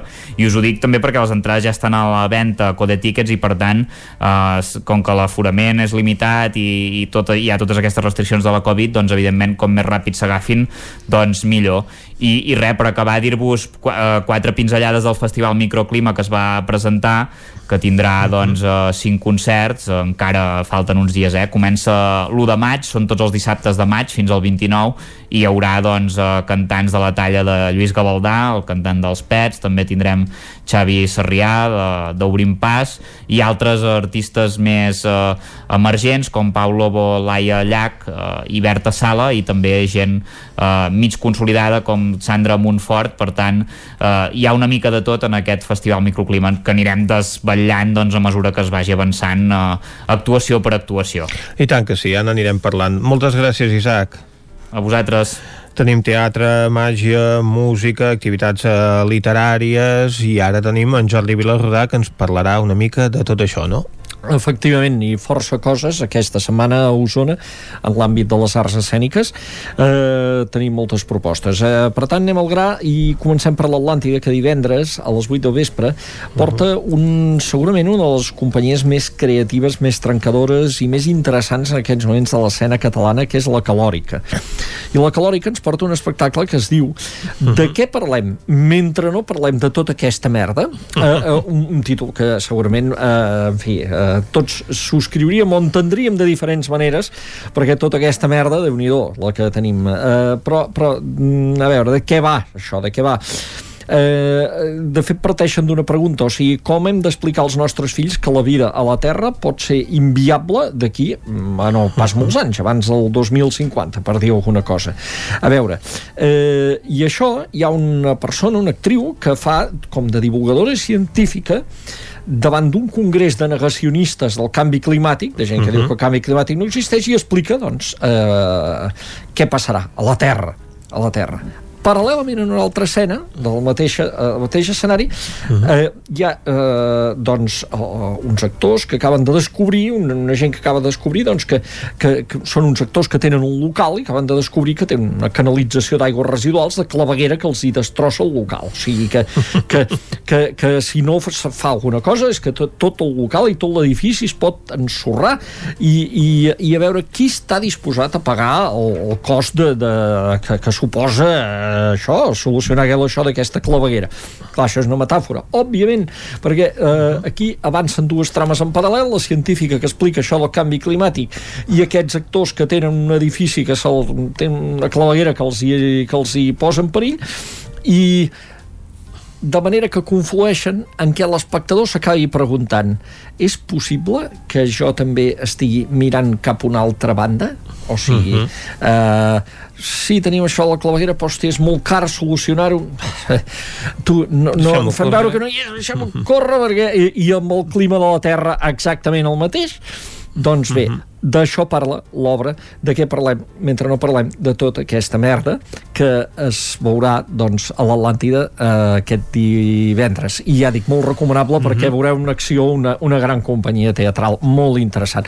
Però és clar eh, i la gent haurà de triar perquè no es pot anar aquí i a la mateixa hora està el Silviano de Torelló a veure el grup xarxa que estrena Cartes del meu avi. Una proposta mm -hmm. també molt interessant gestada evidentment des de Torelló com totes les del grup xarxa amb històries que parlen dels avis i àvies dels que van tornar de la Guerra Civil, que d'això va, i dels que es van quedar en els camps de batalla, històries que moltes vegades han quedat en els calaixos de moltes famílies, un espectacle que ha dirigit en Jordi Torres i que, mm. i que val molt la pena també de poder veure perquè, perquè posa en escena un tema punyent i que s'ha treballat doncs, des d'aquesta des d'aquesta producció pròpia. Eh, ja que som en aquest àmbit parlant d'això, guerra civil, etc i en el Sirvianum sense marxar d'aquí l'endemà, el uh mhm. -huh. dissabte a les 8 del vespre es pot veure Winnipeg, una obra de teatre de la Laura Martel mhm. que, eh, a veure, que és l'autor del text, la Laura Martel, i, i que parla de Winnipeg era el nom d'un vaixell que uh -huh. el mhm. poeta Pablo Neruda, que era diplomàtic també, va, va noliejar, o sigui, eh, uh -huh. va llogar per portar eh, des de França cap a Xile refugiats espanyols de la Guerra Civil perquè poguessin uh mhm. -huh. marxar d'allà on a més a més corrien perill perquè estava a punt d'esclatar la Segona Guerra Mundial i que se'n poguessin anar doncs, eh, a, a Xile. Aquest vaixell que va existir, que va ser molt real i que va arribar uh -huh. doncs, mhm. al port mm, xilè de Valparaíso el setembre de 1939 just quan esclatava la Segona Guerra Mundial a Europa i que va permetre doncs, que se salvessin molts refugiats republicans doncs és el que dona títol a aquest muntatge de la, sobre text de Laura Martel dirigit pel Norbert Martínez i que es pot veure al Sirviano. Per tant, dos espectacles relacionats amb la memòria, el Sirviano. Divendres mateix, eh, per seguir una mica ara, tornar a l'ordre cronològic, divendres tenim al Casino de Vic un concert de l'Ivet Nadal eh, acompanyada pel Marcel Torres, Torres a la guitarra, eh, que, que és un espectacle que porta per títol Ara busco una altra cosa, adaptació del treball de l'últim disc que va fer, del disc en nom de la ferida, per, per, una, eh, eh, per un petit eh, doncs, eh, grup de guitarra i veu en aquest cas, i que ens retorna a Vic una persona com l'Ive Nadal, que hi va estar molt lligada, que, evident, que, que, que ell es va formar entre altres llocs aquí a l'escola a l'escola d'art de Vic. Uh -huh. eh, més propostes que tenim torna l'activitat a la polivalent de Ceba, ara ja ens n'anem el dissabte a les 7 de la tarda, amb un espectacle que es diu Elogiant Charles Chaplin. Uh -huh. Espectacle que eh, va de música, va de música i, i, i de fet en aquest espectacle doncs hi ha un eh, pianista i un violoncel·lista i eh, parla de les eh, composicions musicals que el mateix Charles Chaplin va fer, perquè ell, a més a més de ser el Charlotte, l'actor, uh -huh. etc era compositor i l'espectacle es basa eh, també doncs, en, eh, en la seva música, que és un espectacle, una part molt poc coneguda, evidentment, Exacte, del, de la, part del, que, de la seva biografia. del que coneixem de, de, de Charles Chaplin, no? el Mhm. famós uh -huh. Charlotte. Eh, tenim també un altre espectacle en l'Auditori Teatre de Call d'Atenes, també el dissabte, també a les 7 de la tarda, per tant s'ha de triar àrees de reservat del Mar Rossic, dirigida pel Mar Rossic. Eh, és un espectacle curiós també. Hi ha un eh, soprano, hi ha un pianista, uh -huh. estan a punt de fer un concert per cap d'any i els obliguen a tapar-se els ulls perquè no vegin tot el que passa allà, una festa. Però uh -huh. quan es destapen els ulls resulta que el món s'ha acabat, tothom és mort i ells són els, ells són els únics que queden. Què dius, eh? I llavors hi ha, doncs, com tot un joc eh, que, que és entre la, la música alegre del, de, de, de cabaret també de, de... i per altra part doncs aquesta situació surrealista que viuen. Això d'interpretar per l'Helena Martínez i la Glòria Garcés en aquest espectacle que es diu Àries de reservat a l'Auditori Teatre de Call d'Atenes. Uh -huh. Vermuts musicals. Ara fa bon temps, les terrasses s'omplen. Doncs vinga, propostes de vermuts musicals. Van començar ja els de l'embarcador del Ter, que uh -huh. aquest dissabte reben el gran guitarrista usonenc Guillem Plana el dissabte i el diumenge la John Collective. Uh -huh. Això és a les 12 del migdia. El l'embarcador del Ter i comencen els del Manlleuet, també a Manlleu eh, comencen dissabte amb un grup que es diu Geluc i seguiran també durant el mes d'abril, durant el mes de maig, etc. I acabem Molt dient bé. que també tenim hi ha més coses, però destacarem que aquest diumenge eh, tornen les visites a les entranyes de l'Atlàntida, allò que no veiem mai els espectadors, aquells racons del teatre, Els amb visites teatralitzades i moltes més coses, camerinos, moltes més coses, amb la gent de Corsia Teatre. Això es havia de fer l'any passat, va quedar molt entrebancat, ara es reprèn i és molt interessant i se'n fan diverses sessions aquest diumenge que la gent ha d'entrar doncs, al web de l'Atlàntida i veure quines no estan exaurides, que n'hi ha moltes que ja ho estan. Mhm. Molt bé, doncs Jordi, moltes gràcies per aquest recorregut a l'activitat cultural extensa d'aquest cap de setmana a la comarca d'Osona. Que déu nhi eh? Tenim I tant. actes I- per remenar, triar i remenar, I que d'això es tracta. I, I ens n'hem deixat, i ens n'hem deixat, i ens n'hem deixat encara. Però, Jordi, som a la recta final ja del territori 17 i, en tot cas, convidem la gent a fer un cop d'ull a l'agenda del 9-9, per exemple. I, Vicenç, nosaltres ara anem tancant el programa. Un programa que avui hem fet... Clàudia Dinarès, Caral Campàs, Isaac Muntades, David Auladell, Pepa Costa, Isaac Moreno, Jordi Vilarrodà, Jordi Givert, Òscar Muñoz, Jordi Sunyer i Vicenç Vigues. Nosaltres hi tornarem a ser demà, com sempre, des de les 9 del matí i fins a les 12 del migdia. Fins demà. Que vagi molt bé. Adeu. Siau.